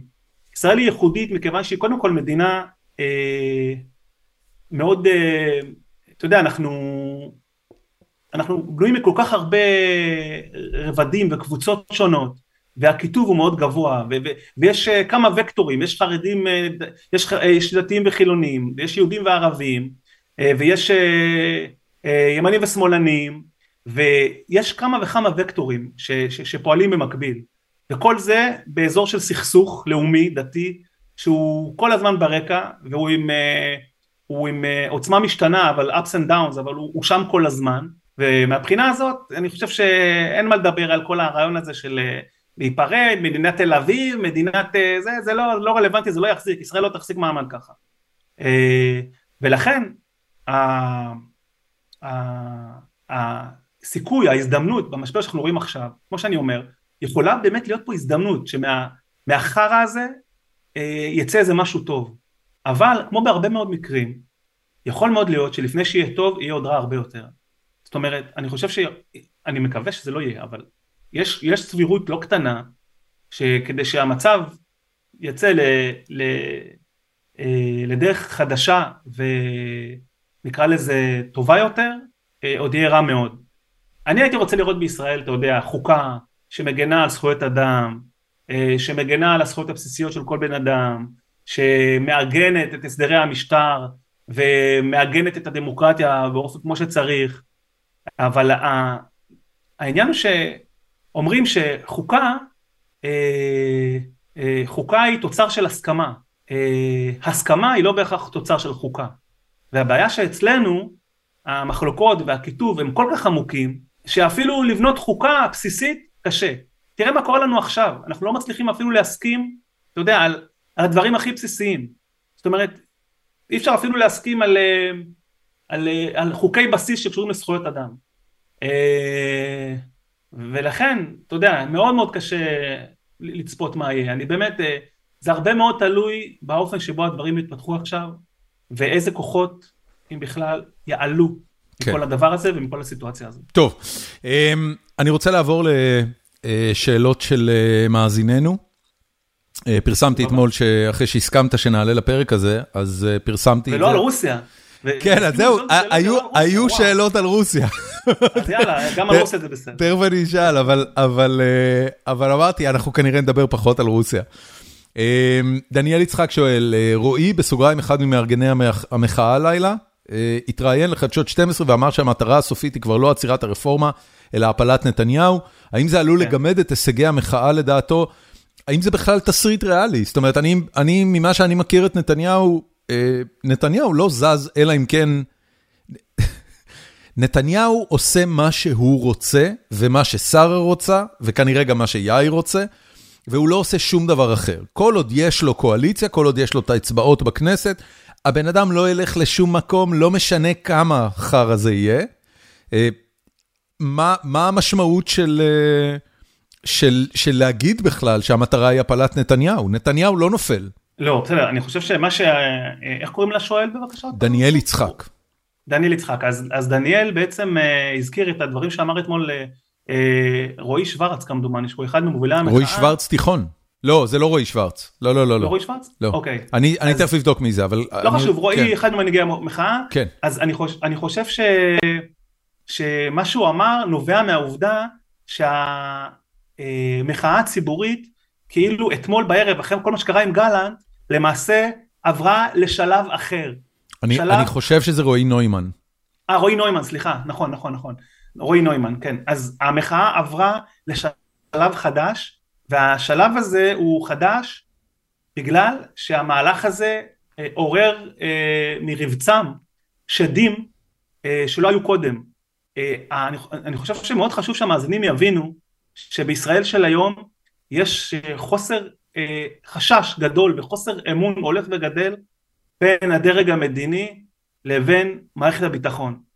החשש הזה נובע קודם כל מהפחד, מההשלכות האפשריות של החקיקה הזאת והאישורה בסופו של דבר, כן או לא נראה, אבל אם היא תאושר, ואנחנו כולנו שומעים את הדיבורים האלה על ההשפעה על הצבא, זה התחיל כל הסיפור הזה עם גלנט והפיטורים, כי גלנט העז לבוא בפומבי, כן. ולומר uh, את מה שהוא צריך להגיד כשר ביטחון, כן. ו, ולכן הוא פוטר.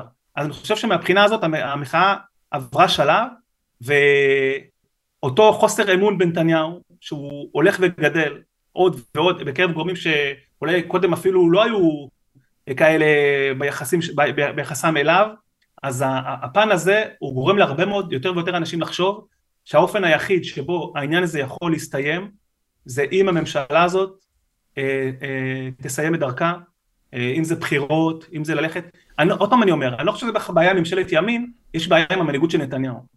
ולכן, בגלל שאנחנו עומדים במצב חסר תקדים, כשהוא מוביל את הממשלה, עם התיקים שיש לו, עם אותו נאשם פלילי, עם המתיחות המאוד גדולה עם ראשי מערכת הביטחון, המוסד, השב"כ, הצבא בעיקר, וזה מצב שהוא מאוד מאוד לא בריא, אה, ולכן אני חושב שהמחאה עברה שלב וכרגע מדברים על משהו שהוא הרבה מעבר ללעצור את הרפורמה, למה? כי בין השאר לא מאמינים שנתניהו באמת יעצור את הרפורמה. כן. זה נובע מאותו חוסר אמון. ג'ייסון שטיין כותב, אה, אין לי שאלה, אני פשוט מת על הפרקים איתו, פשוט כי הוא נמנע מלדבר על מה שהוא לא מרגיש מספיק מתמצא. אה, אני כן רוצה לשאול שאלה על זה, כי זו אמירה מאוד מעניינת. אה, אבל אולי צריך לתת דוגמה, אני לא מתמצא בהכל. אני לא יודע, אני מניח שהוא מרגיש שאתה לא זה. אני... אתה רואה, אנחנו נמצאים בתקופה שאנשים מדברים את עצמם לדעת בכל מדיום אפשרי, כן. כן.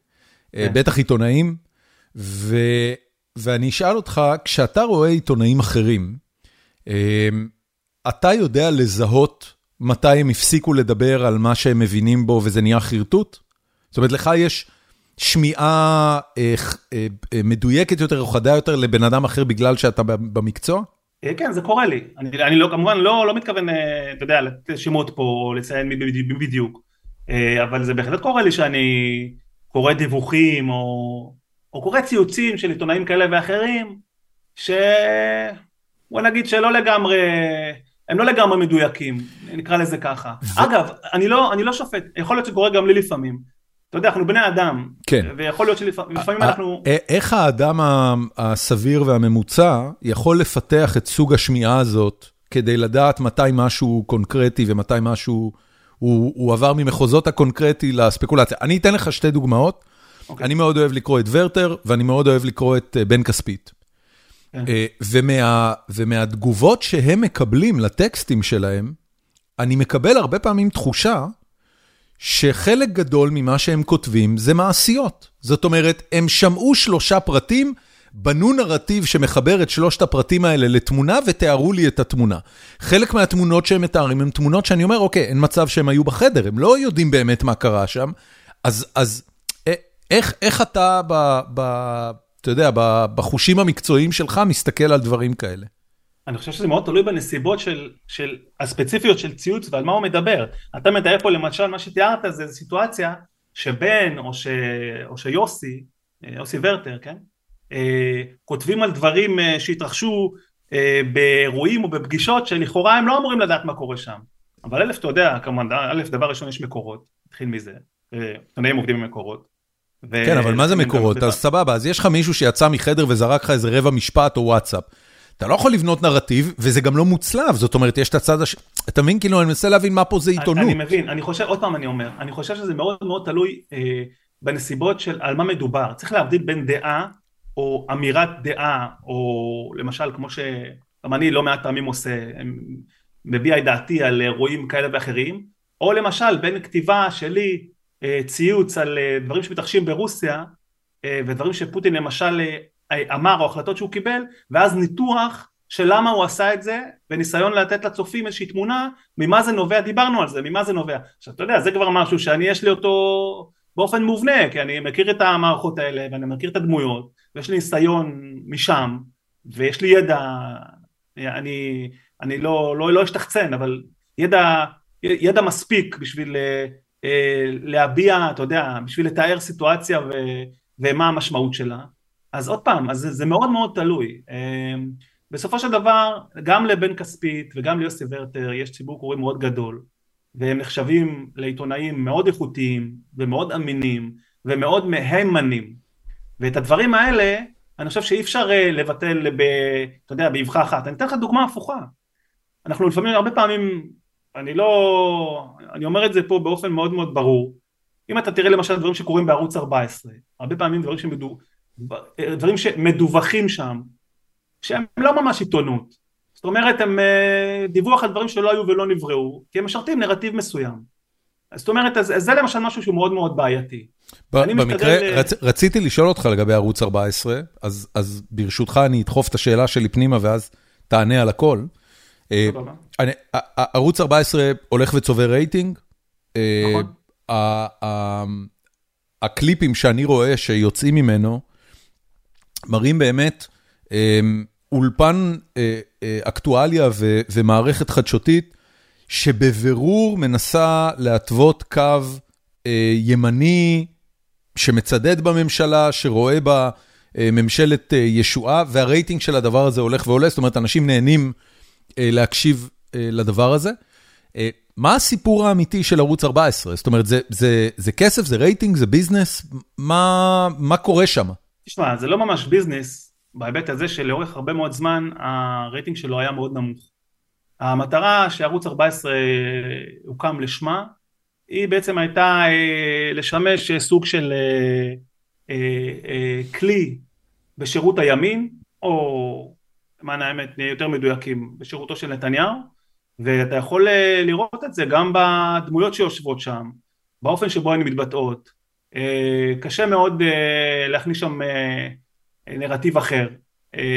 ויש לי גם בעיה עם הקו הזה. אין, אני אגיד משהו, אין לי בעיה בעקרון הזה, אגב, גם בעולם זה נהוג, למשל, גם בארצות הברית, יש לך את פוקס ניוז, שהקו שלו מאוד ברור, כן. ואת CNN ואת אה, NBC, נכון. וגם בעיתונות העולמית בכלל, יש לך את הניו יורק טיימס, ויש לך את הוושינגטון פוסט שהוא יותר שמרני כמובן, והניו יורק טיימס שהוא יותר ליברלי.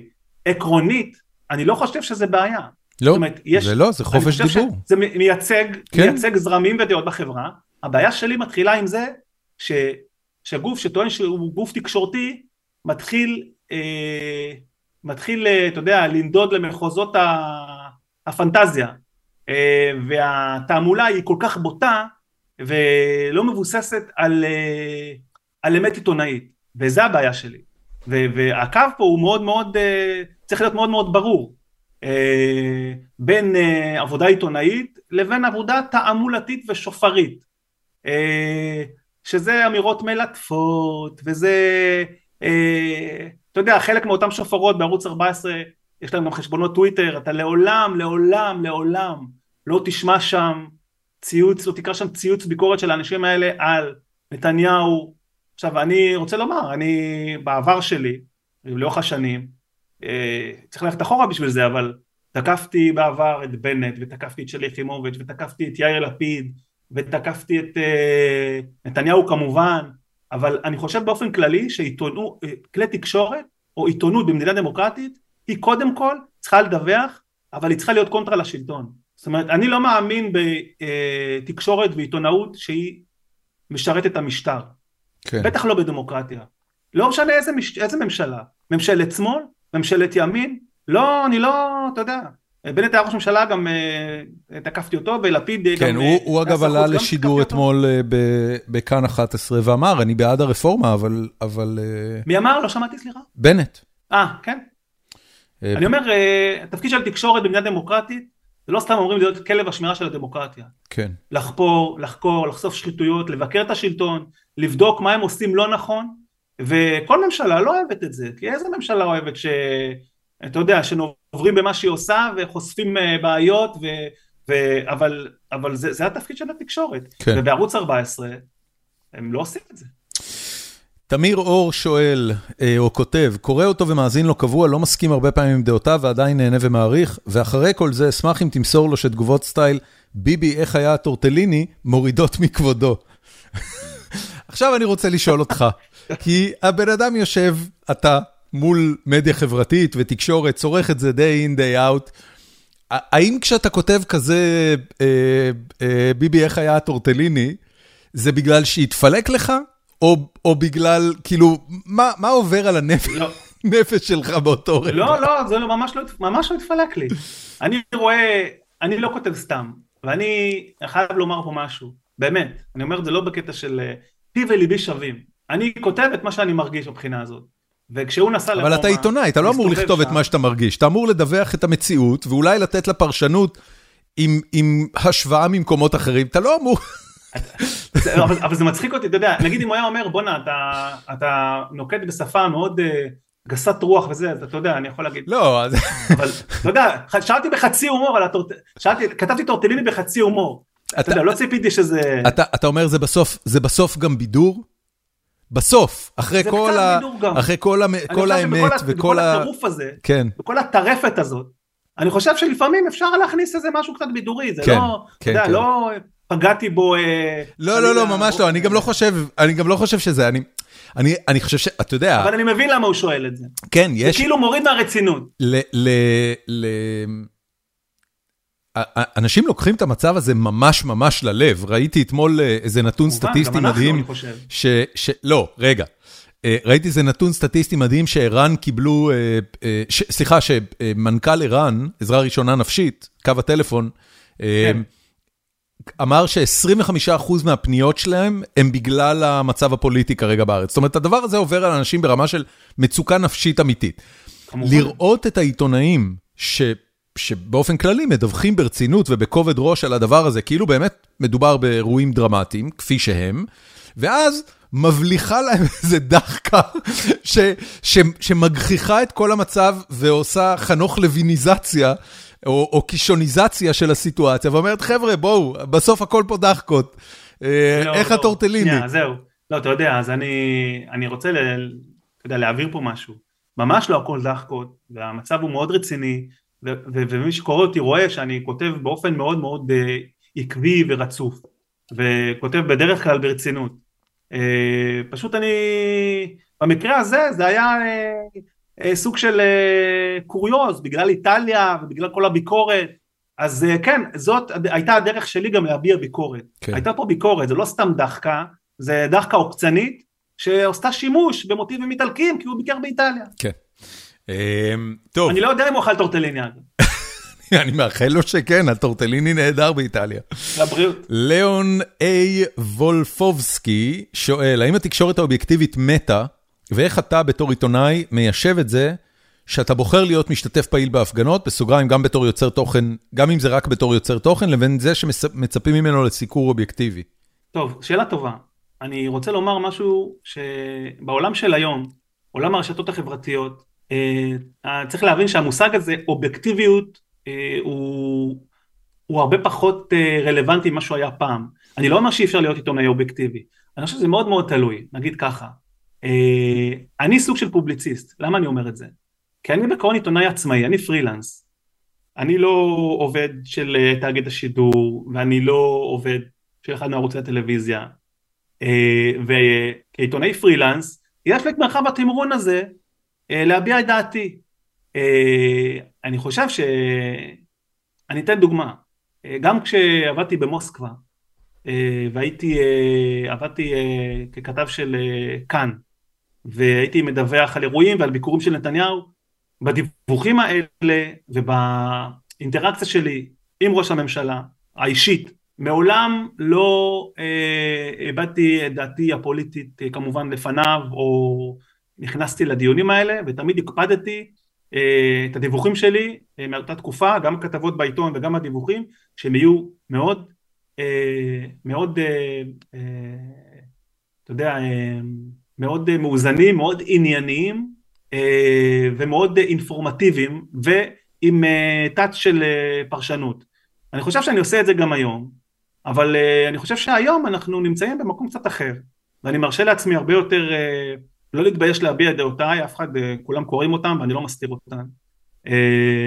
ואני גם חושב, אני אגיד לך יותר מזה, אני חושב שהתפתחויות כמו שקורות היום בישראל, הן כל כך דרמטיות וכל כך עוצמתיות, כן. שאם ישראל אכן הולכת לכיוון דמוקרטי, אני אגיד לך יותר מזה. המקום החם בגיהנום שמור לזה שבעת משבר מוסרי אה, לא נוקט כן, עמדה. כן, הוא באמצע, הוא לא, הוא לא, אז אני חושב שעיתונאי אמיתי במדינה דמוקרטית, לא רק שזו אה, זכותו, זו חובתו לתמוך בהמשך המשטר הדמוקרטי ולהביע את דעתו כעיתונאי אם המשטר הדמוקרטי עומד לפני סכנה. האם אתה, אה, האם, האם הנגזרת של הדבר הזה היא שכל בן אדם שתומך כרגע במהלכי הממשלה וב, וברפורמות שהם רוצים להעביר, הוא בהגדרה מפסיק להיות עיתונאי. זאת אומרת, אם אתה מסתכל על, על קלמן ליבסקין, שהוא עיתונאי מוערך ימני, לא, למה הוא מפסיק להיות עיתונאי? מה פתאום?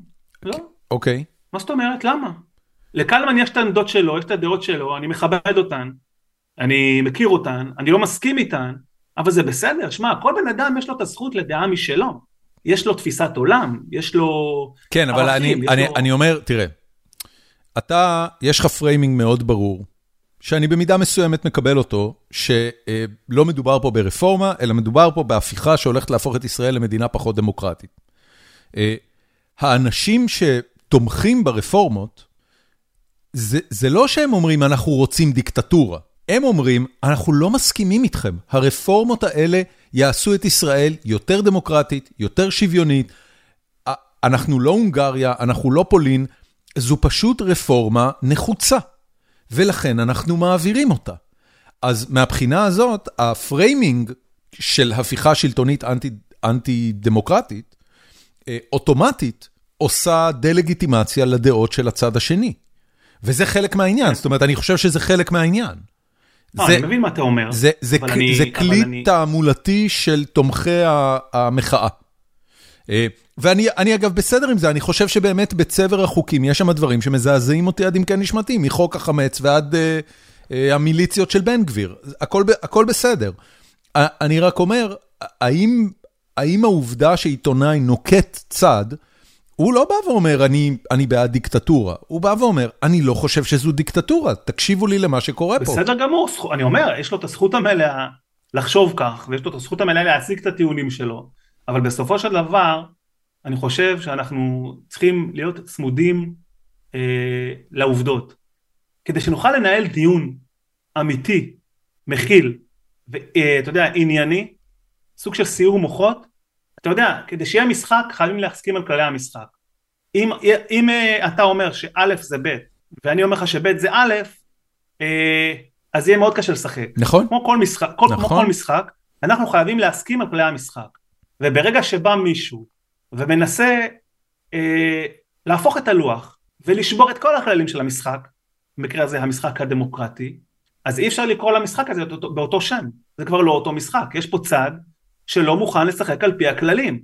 ואם מצד אחד לא מוכן לשחק על פי הכללים, ומנסה לשנות את חוקי המשחק תוך כדי משחק, אז זה ברור שזה יעורר תגובה כמו שאנחנו רואים, ומעבר לזה, האתגר... אי אפשר לזלזל, סליחה, אי אפשר לזלזל בדעות ועמדות שמציגים עשרות, אם לא מאות, אנשי מקצוע בתחומים שונים, שמזהירים מפני העניין הזה, זה לא בן אדם או שניים, זה לא יאיר נבות טוחן במוח וכותב נגד העניין הזה מבוקר עד ערב. יש פה אוסף שלם של גורמים מקצועיים, רציניים ומאוד מהימנים שמזהירים. אז אולי שווה רגע לעצור שנייה. נכון. ולהקשיב. ואם אתה, אני אגיד עוד משהו יותר מזה, לגבי כל הרפורמה הזאת במרכאות. אם הממשלה הייתה באמת רוצה לתקן את החולאים של מערכת המשפט, ויש בישראל חולאים במערכת המשפט, שגם אני חושב שהם חייבים תיקון, אז הרפורמה הזאת לא מתקנת אותם. מעבר לזה, תיקונים כאלה לא עושים בריצת אמוק כזאת. לא עושים אותם, כי הם גדולים מדי. מסכים איתך לגמרי. משמעותיים מדי, אמ, זה כל בעיה שלי. זאק הופמן שואל, אמ, איך זה נראה בעולם? האם קיימת סכנה למעמד של ישראל כמי שנחשבת לחברה בעולם, לחברה בעולם המערבי דמוקרטי? בוודאי, אני חושב שאנחנו רואים את זה בשבועות האחרונים ביתר שאת. אנחנו שומעים דברים חסרי תקדים. אה, שגריר ישראל בוושינגטון מוזמן לשיחת נזיפה אנחנו שומעים אה, בכירים בממשל ביידן מתבטאים אתמול ומביעים ככה הם אמרו מביעים דאגה למצב הפנימי בישראל ולעתיד הדמוקרטיה. לאוזן הישראלית, אה, אני רק אגיד, לאוזן הישראלית הבעת דאגה נשמע כמו משהו שכמעט לא צריך להתייחס אליו. זאת אומרת, ולוקח אגב שנים, אני חי בארצות הברית עכשיו למעלה מחמש שנים, לוקח זמן להבין את זה. יש ניואנסים של שפה. כן, כשאתה חי בארץ, הבעת דאגה היא יומיומית, מה זאת אומרת? אמא שלי הביעה דאגה הבוקר, ואבא שלי הביע, והבוס שלי הביע דאגה אחר הצהריים, מה זאת אומרת? כולנו מביעים דאגה. אז הביעו דאגה. כן, אז הביעו דאגה. בארצות הברית, כשמנהל בכיר או מנכ"ל של ארגון או, או אה, שגריר או ראש ממשלה אומר לך שאנחנו מביעים דאגה, הוא אומר, better, better get your shit together, זה המשמעות של הבעת דאגה. אני, אני חושב שיש, זה, זה נכון מה שאתה אומר, ואני חושב שהרבה אנשים צריכים להיות מודעים גם לסוגיה של שפה דיפלומטית. אתה יודע, אחרי סיקור של הרבה שנים של פגישות דיפלומטיות בקרמלין, לא רק ישראל ורוסיה, כל מיני פגישות, כל מיני, ואתה יודע, ומעקב אחרי הודעות רשמיות של הקרמלין, של אה, לשכות אה, נשיאים וראש הממשלה בעולם, יש הרי שפה דיפלומטית. אני אתן דוגמה, כששני הצדדים נפגשים ובתום הפגישה אומרים שהיו אה, שיחות קונסטרקטיב ושני הצדדים הבהירו זה לזה את עמדותיהן, התרגום של זה משפה דיפלומטית זה שלא הייתה הסכמה, אבל הייתה כנות והציגו את שתי העמדות למרות שהן לא הגיעו להסכמה. ואני חושב שכש... כמו שאתה אומר, כשאומרים בשפה הדיפלומטית שמביעים דאגה, אז יש לזה משמעות, זה לא כן, סתם, כן, אלא, כן. זה, אלא זה משהו שצריך להתייחס אליו. כן. Um, כתבת בטוויטר, המחאה לא תשקוט ולא תיפסק עד שממשלת הזדון הזאת תקרוס אל תוך עצמה ותיפול, אם לא, ישראל תיגרר למלחמת אזרחים. למה אתה חושב שלחברה הישראלית יש את הטמפרמנט למלחמת אזרחים? זו מדינה קטנה, כולם מכירים את כולם, וזה לא נראה סביר בעיניי שאנשים יילחמו בקרובי משפחה שלהם ובשכנים שלהם. קודם כל אנחנו לא במערכון של שאולי פה, זה לא בהכרח אומר ששכנים יילחמו במשפחה שלהם, אבל זה נורא, זו שאלה שהיא, אני, אני מבין את השאלה, אבל אני יכול לתת כמה דוגמאות למה עלולה להיות בישראל מלחמת אזרחים. א', יגאל עמיר, ב', יונה אברושמי, אה, אה, יגאל עמיר הוא בעיניך אה, מלחמת אזרחים? יגאל עמיר רצח ראש ממשלה בישראל. כן, אבל, אז, אבל זה, זה לא... אז, אני לא חושב, אני לא חושב שיש מישהו שיכנה את האקט של יגאל עמיר, כולל ההסתה שקדמה לו וכולל... לא אמרתי שזה מלחמת אזרחים. אוקיי. אמרתי, שב... אמרתי שהחברה הישראלית מאוד מאוד מקוטבת, לזה הכוונה. ו... תקשיב, כשאנחנו שומעים ש... את הביטוי מלחמת אזרחים, אנחנו מדמיינים אה, כוח סדיר אחד וכוח סדיר שני, נלחמים זה נגד זה, כששני הכוחות הסדירים האלה הם משני אברי מתרס פוליטי של אותו עם. זאת המחשבה על מלחמת אזרחים. חושבים על קוסובו, חושבים על, אתה יודע, הרבה יותר אחורה מלחמת האזרחים האמריקאי. למה אתה חושב שאנחנו שונים מעמים אחרים? אתה שכחת מה היה בהיסטוריה היהודית? אתה שכחת שהיה חורבן הבית? הראשון והשני, ממלכת יהודה וממלכת ישראל? הבנתי. זאת אומרת, אתה אומר, זה ב-DNA שלנו בדיוק כמו של כל עם אחר? אני חושב שצריך מאוד להיזהר מלחשוב שישראל היא חסינה מפני תופעות אנושיות, היסטוריות, פוליטיות, אה, והדבר הזה הוכח כבר בשנות קיומה של המדינה. אני לא הולך, אתה יודע, אפשר ללכת אה, גם למקרה של מי אלטלנה, ויש, יש, העם הזה יש כיתוב מאוד חזק, ו... ו... אתה אומר ישראלים לא יהססו לפתוח באש על ישראלים אחרים אם יקבלו את הפקודה לעשות את זה? עזוב פקודה, איזה פקודה? יש, יש, זה לא עניין של מישהו אומר, אה, זה לא צבא. לא, זה... אם, אם אתה מדבר על מלחמת אזרחים, אתה מדבר על צבא. מה פתאום? הרי okay. זה אוקיי. מלחמת אזרחים, אנחנו מדברים על מלחמת אזרחים, זה בדיוק העניין. אז מה זה, תגרה המונית? בקנה מידה של מדינה שלמה?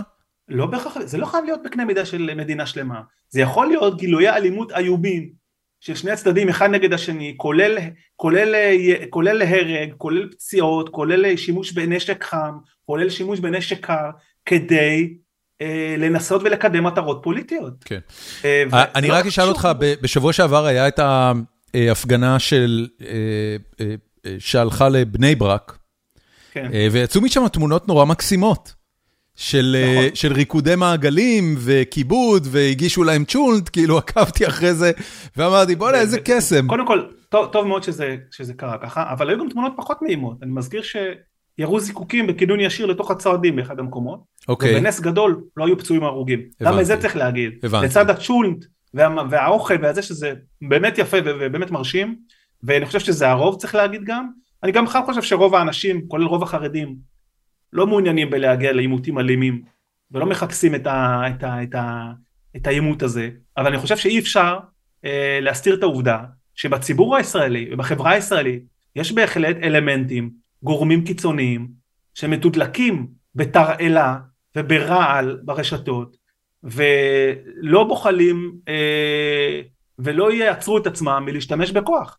אתה, אני צריך להזכיר לך את כל השלטים שגם עכשיו מניפים אה, בהפגנות של המחאה, שכתוב עליהם שמאלנים בוגדים. כן, אה, כן, כאילו אתה לא צריך לא להזכיר לי. אה, הלאה, אור יוחנן כותב ככה, יאיר כתב בעמוד שלו שהמחאה תוביל להפלת נתניהו, ואני תוהה על מה מתבססת הדעה הזאת, איך טקטית הדבר הזה קורה, מהי סדרת הפעולות שמובילה לזה שנתניהו נופל? למשל, אתן דוגמה. למשל, העובדה שנתניהו עומד בראש קואליציה שהיא כל כך קיצונית, והנסיבות האישיות שלו בגלל היותו נאשם בפלילים והרצון שלו לקדם מהלכי חקיקה שיטיבו קודם כל עמו ועם מצבו המשפטי מביאים למצב קיצוני שבו כמו שאמרנו קודם כל אחד מהקואליציה הזאת מנסה למשוך ולקבל כמה שיותר. בסופו של דבר מתי שצד אחד מפלגה אחת או לא תקבל את מה שהיא רוצה היא עלולה פשוט... זאת אומרת, התסריט שמוביל לנפילת הממשלה מחייב את אחת מהשותפות הקואליציוניות להתהפך על הממשלה וללכת לבחירות. כן, למשל, אני חושב שיש סיכוי... אתה, אתה מעלה לא בדעתך שיש מישהו היום בקואליציה שחושב שבחירות יכולות להיטיב את מצבו? בוא ניקח תסריט למשל שהחקיקה הזאת לא מקודמת בכלל. כן. אין, היא יורדת מהפרק. מעולה. יש סיכוי סביר ש... שבן גביר אה, אה, פורש שם בממשלה. באמת? לו, בוודאי. באמת? או סמוטריץ', בוודאי. תקשיב, בן, גביר וסמוטריץ', אתה לא חושב שהם... או לוין, או יריב לוין. יריב לוין זה סיפור אחר, ויריב לוין הוא רק בן אדם אחד. זאת אומרת, צריכות להיות... נכון. כדי שהממשלה הזאת תיפול, אה, צריך שחמישה קולות מתוך הקואליציה יצביעו נגד. זאת אומרת, הם צריכים להצביע על הפלת הממשלה. אוקיי? זה. זה. זה. זה הפער. כן. ולכן, אני אומר, אתה חושב שסמוטריץ' או בן גביר, אתה יודע, בהסתכלות אני, מפוקחת... אני חושב שבנסיבות מסוימות היא יכולה לקרוס מבפנים. בנסיבות מסוימות. זה... אולי אנחנו עדיין לא שם. כן, אוקיי. כמו שאמרתי. אולי יקבלו את מה שהם רוצים. האם אתה יודע איך נראה הסיקור בעולם הערבי ובאיראן על מה שקורה בישראל? זו שאלה של בונתן ירק. אני מניח שזה יונתן ברק, אבל הוא מתחכם. אבל, אבל אני רק משער. האם אתה יודע איך... בוא נתן ברק. כן, בוא נתן ירק. בוא נתן ירק. אולי זה בוא נתן ירק. אולי, אני לא... זה מגניב לדעתי. האם מעבר לקולות הצפויים של הישות הציונית קורסת, יש גם הערכה לאקט הדמוקרטי שבמדינות שלהם כנראה לא היה מתאפשר או היה מדוכא באלימות קשה והרוגים רבים? כן, אני פחות עוקב אחרי התקשורת בעולם הערבי, אני חייב לומר. אבל ממה שראיתי, אז יש דיווחים מאוד, למשל באל-ג'זירה יש uh, דיווח מאוד ענייני לגבי מה שקורה. בטלוויזיה האיראנית ובטלוויזיה של חיזבאללה אל-מנאר, יש כמובן דיווחים שהם uh, הרבה יותר מרק דיווחים, הם גם, uh, הם, הם גם כוללים uh, סוג של תקווה, הבעת תקווה שהעניין הזה יחמיר והישות הציונית, אתה יודע, תקרוס מבפנים. גם את זה אומרים שם, אבל באופן כללי, אל תשכח שחלק גדול מהעולם הערבי אנחנו כבר ביחסים טובים, ביחסי שלום. נכון. חלק לא קטן. למרות שהם קרו אירועים במהלך החודש האחרון שגרמו למחשבה שאולי יש נסיגה בעניין הזה. יש סוג של, נקרא לזה, זה לא, אני לא חושב שההסכמים כרגע עומדים בסכנה, אבל זה מאוד מאוד תלוי במהלכים של הממשלה, יש פתאום סוג של, כן, קצת, קצת הליכה לאחור קצת. ומבט מחודש, אבל לא... אני חושב שאנחנו עדיין עומדים בפני הסלמה בקטע של ניתוק או משהו כזה. היה לפני איזה יומיים אירוע שבו המשטרה פרצה לאל-אקצא, והמחשבה הראשונה שעברה לי בראש כשראיתי את זה, הייתה ש... שמנסים להבעיר את השטח כדי לאחד את העם בחזרה. האם שמעת על זה משהו? היה לזה איזשהו הד בעולם? לא, בהקשר העולמי אני לא יכול להגיד שראיתי איזשהו סיקור, אבל אני חושב שבאופן כללי אני אומר, שצריך לקחת בחשבון שאחד מה, אחד מהתרחישים שיכול בבת אחת אה, לחסל את המחאה, לחסל אותה, אה, זה עימות ביטחוני. צריך להבין וצריך לקחת את זה בחשבון. כן. אה, אם מחר פורצת מאיזושהי סיבה או תקרית אה, מלחמה עם חיזבאללה, המחאה אה, יורדת לאחור ועם ישראל עושה מה שהוא בדרך כלל עושה במצבים כאלה ומתאחד.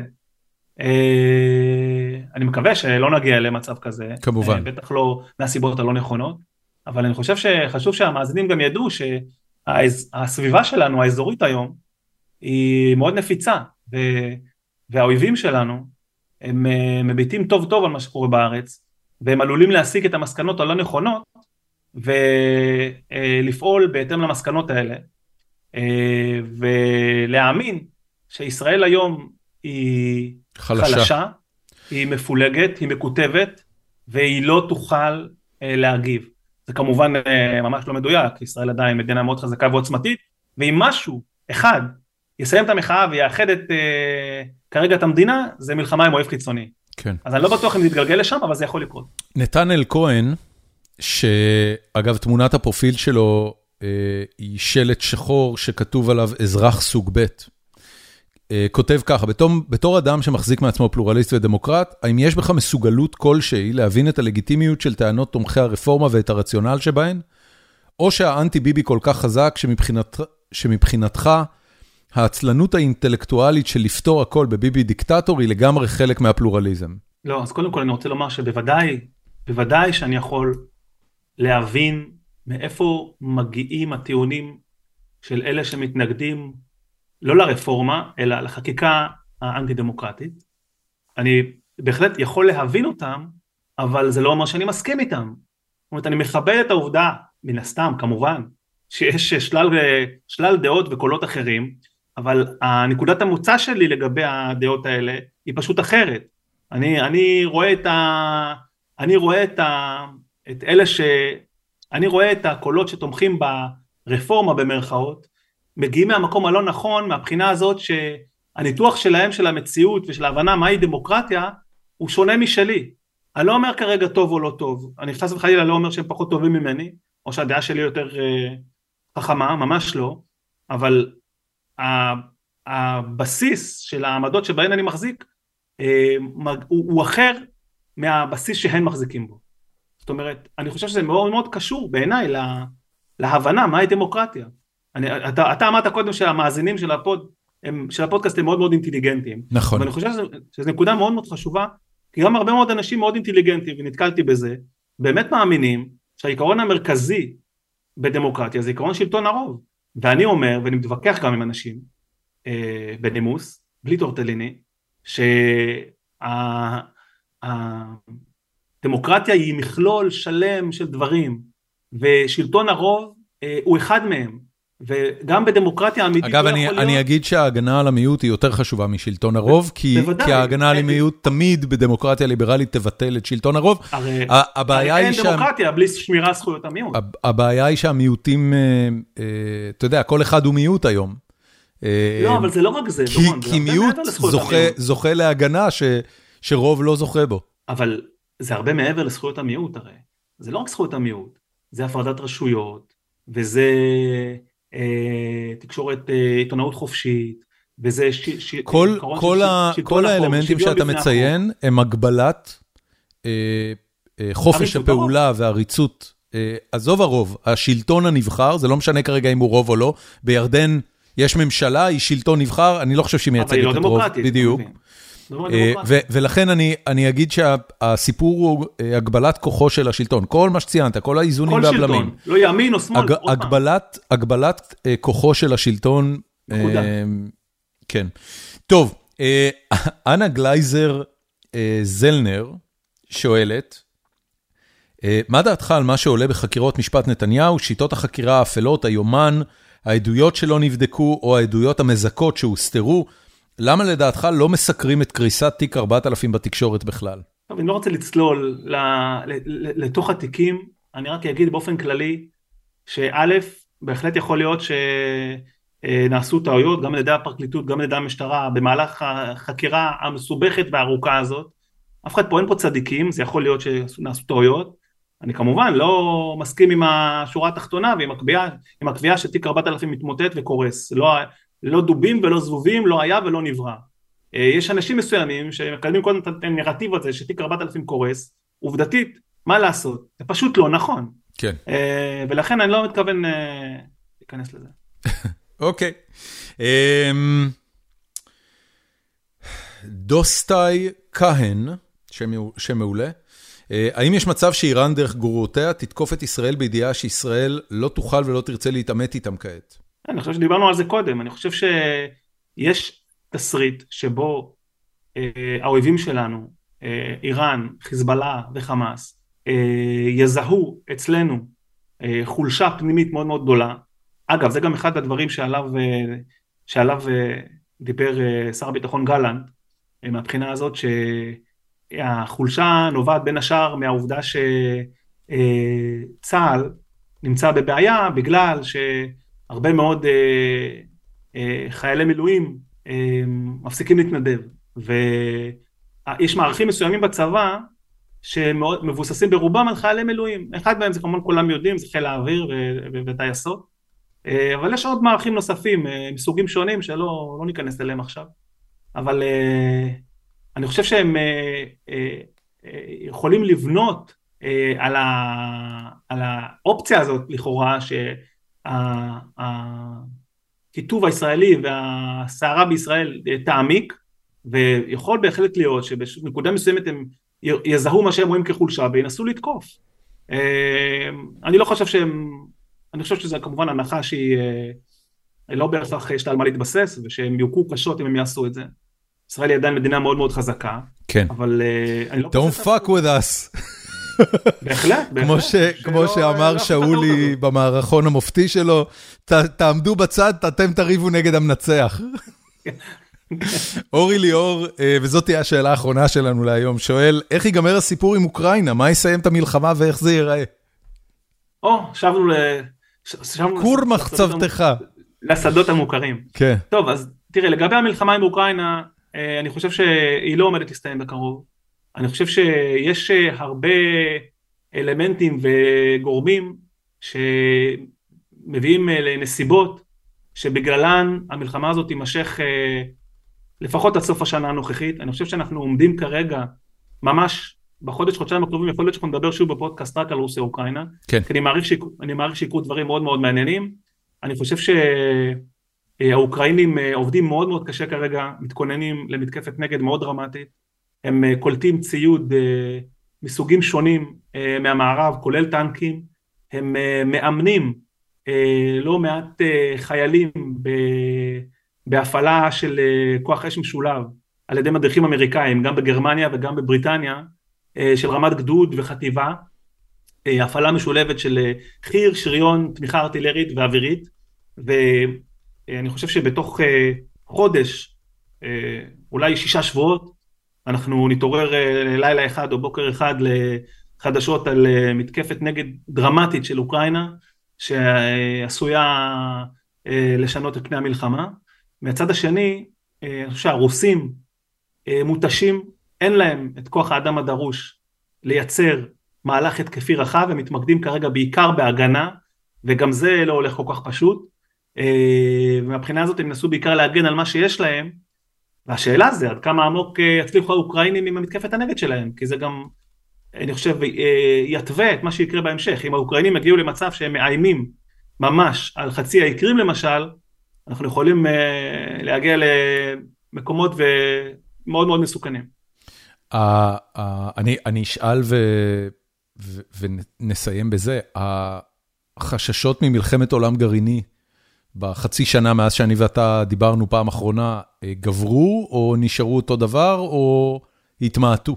אני חושב שהייתה תקופה שהדבר הזה קצת ירד מסדר היום והיה שקט ושמענו על זה הרבה פחות, אבל אני חושב שבתקופה האחרונה אנחנו מתחילים לשמוע על זה שוב, שמענו רק לפני, אה, ממש לפני כמה ימים, יומיים שלושה, שפוטין הודיע שהוא אה, עומד להציב בבלארוס נשק גרעיני טקטי החל מהקיץ ובלרוס היא כמובן אה, יושבת על אה, גובלת במדינות ברית נאט"ו כמו פולין למשל ואני חושב שזה הולך ביחד עם העובדה שנאט"ו עומדים הרי פינלנד ההצטרפות שלה לנאט"ו עומדת להפוך למעשית וממשית. טורקיה כבר אישרה, הונגריה אמורה לאשר עד סוף החודש ואז ההצטרפות של פינלנד לנאט"ו תהיה סופית והחיכוך בין נאט"ו לבין רוסיה יגדל באופן דרמטי כי לרוסים ולפינלנד יש 1340 קילומטר של גבול יבשתי. אה, אבל מעבר לזה העובדה שנאט"ו מספקים מערכות נשק לאוקראינה אה, בלי הפסקה. העובדה סליחה העובדה שהאוקראינים אה, עשויים להצליח מאוד במתקפת הנגד שלהם עלולה לדחוק את הרוסים קצת עם הגב לקיר וזה עלול שוב לדחוף אותם לקראת לשקול שימוש בנשק גרעיני, אפילו נשק גרעיני טקטי, לא בהכרח איזה, אבל לצד זאת חשוב לזכור שיש גורם מאוד חשוב שמרסן את הרוסים, ואלה הסינים כמובן, והסינים הזהירו את הרוסים לבעל להשתמש בנשק גרעיני מכל סוג שהוא על אדמת אוקראינה, וצריך לקוות שלעת עתה האזהרה הזאת, אתה יודע, תעשה את שלה. כן. טוב, תם זמננו יקירי, מה נאחל לך? המשפחה בסדר? טפו טפו, חמסה חמסה. איך מזג האוויר באמסטרדם בימים אלה? קריר. באמת? 8-9 מעלות, שום רוב היום. זה לא אמור להיות אביב כבר? או שזה אביב? לא, לא, אמור להיות אביב והוא מאוד מתעכב השנה, אני חושב שבחודש אפריל זה... בדרך כלל בתקופה הזאת של השנה כבר קצת יותר נעים וחם, חמים, אבל כל חודש מרץ היה אפור וגשום, רוב רובו. איך, ב... איך באוסטין טקסס? באוסטין היה באמצע פברואר, לפני חודש ושבועיים בערך, היה גל קור חמור מתחת לאפס, הפסקות חשמל, אתה יודע, כל המערכת האזרחית פה קרסה. וואו. ומיד כשזה נגמר, שבוע אחרי זה, אני באותו שבוע הייתי בצרפת, עשיתי סקי, אז מיד כש, כשחזרתי, מזג האוויר חזר להיות חמים ונעים, ועכשיו זה אביב, זה אומר שיש ימים שזה 25 עד 30, ויש ימים שזה 11-12, אבל, אבל באופן כללי מזג האוויר פה הוא מקסים עכשיו, זה... אני, אני לא, אני גיליתי את זה רק בשנה האחרונה, אבל יש, יש פה מה שנקרא Blue Bonnet Season, Blue Bonnet זה מין פרח כחול, שבעונה הזאת, מסוף מרץ עד אמצע אוגוסט, מתפוצץ בפריחה משוגעת, כאילו ממש מכסה אזורים שלמים, כן, זה ממש ממש יפה, ופסטיבלים היה פה, בקיצור, נחמד נורא. כן, זו תקופה נורא כיפית של השנה בכלל, האביב. נכון, גם פה. נכון, נכון, נכון. כי הכל מתחיל לפרוח, והימים מתארחים פה, עברנו לשעון קיץ. נכון, נכון. כאילו אתמול אפילו. אתמול, כן, ופתאום הימים ארוכים יותר, ויש חושך נורא עד מאוחר, כן. יש אור עד מאוחר, כיף. חושך עד מאוחר, אור עד מאוחר, כן. זמן, זמן טוב להפרות סדר ומלחמות. מלחמות אזרחים. כן. יאיר, תודה רבה. תודה רבה לך, דורון. נאחל בריאות ואושר לכולם. תודה.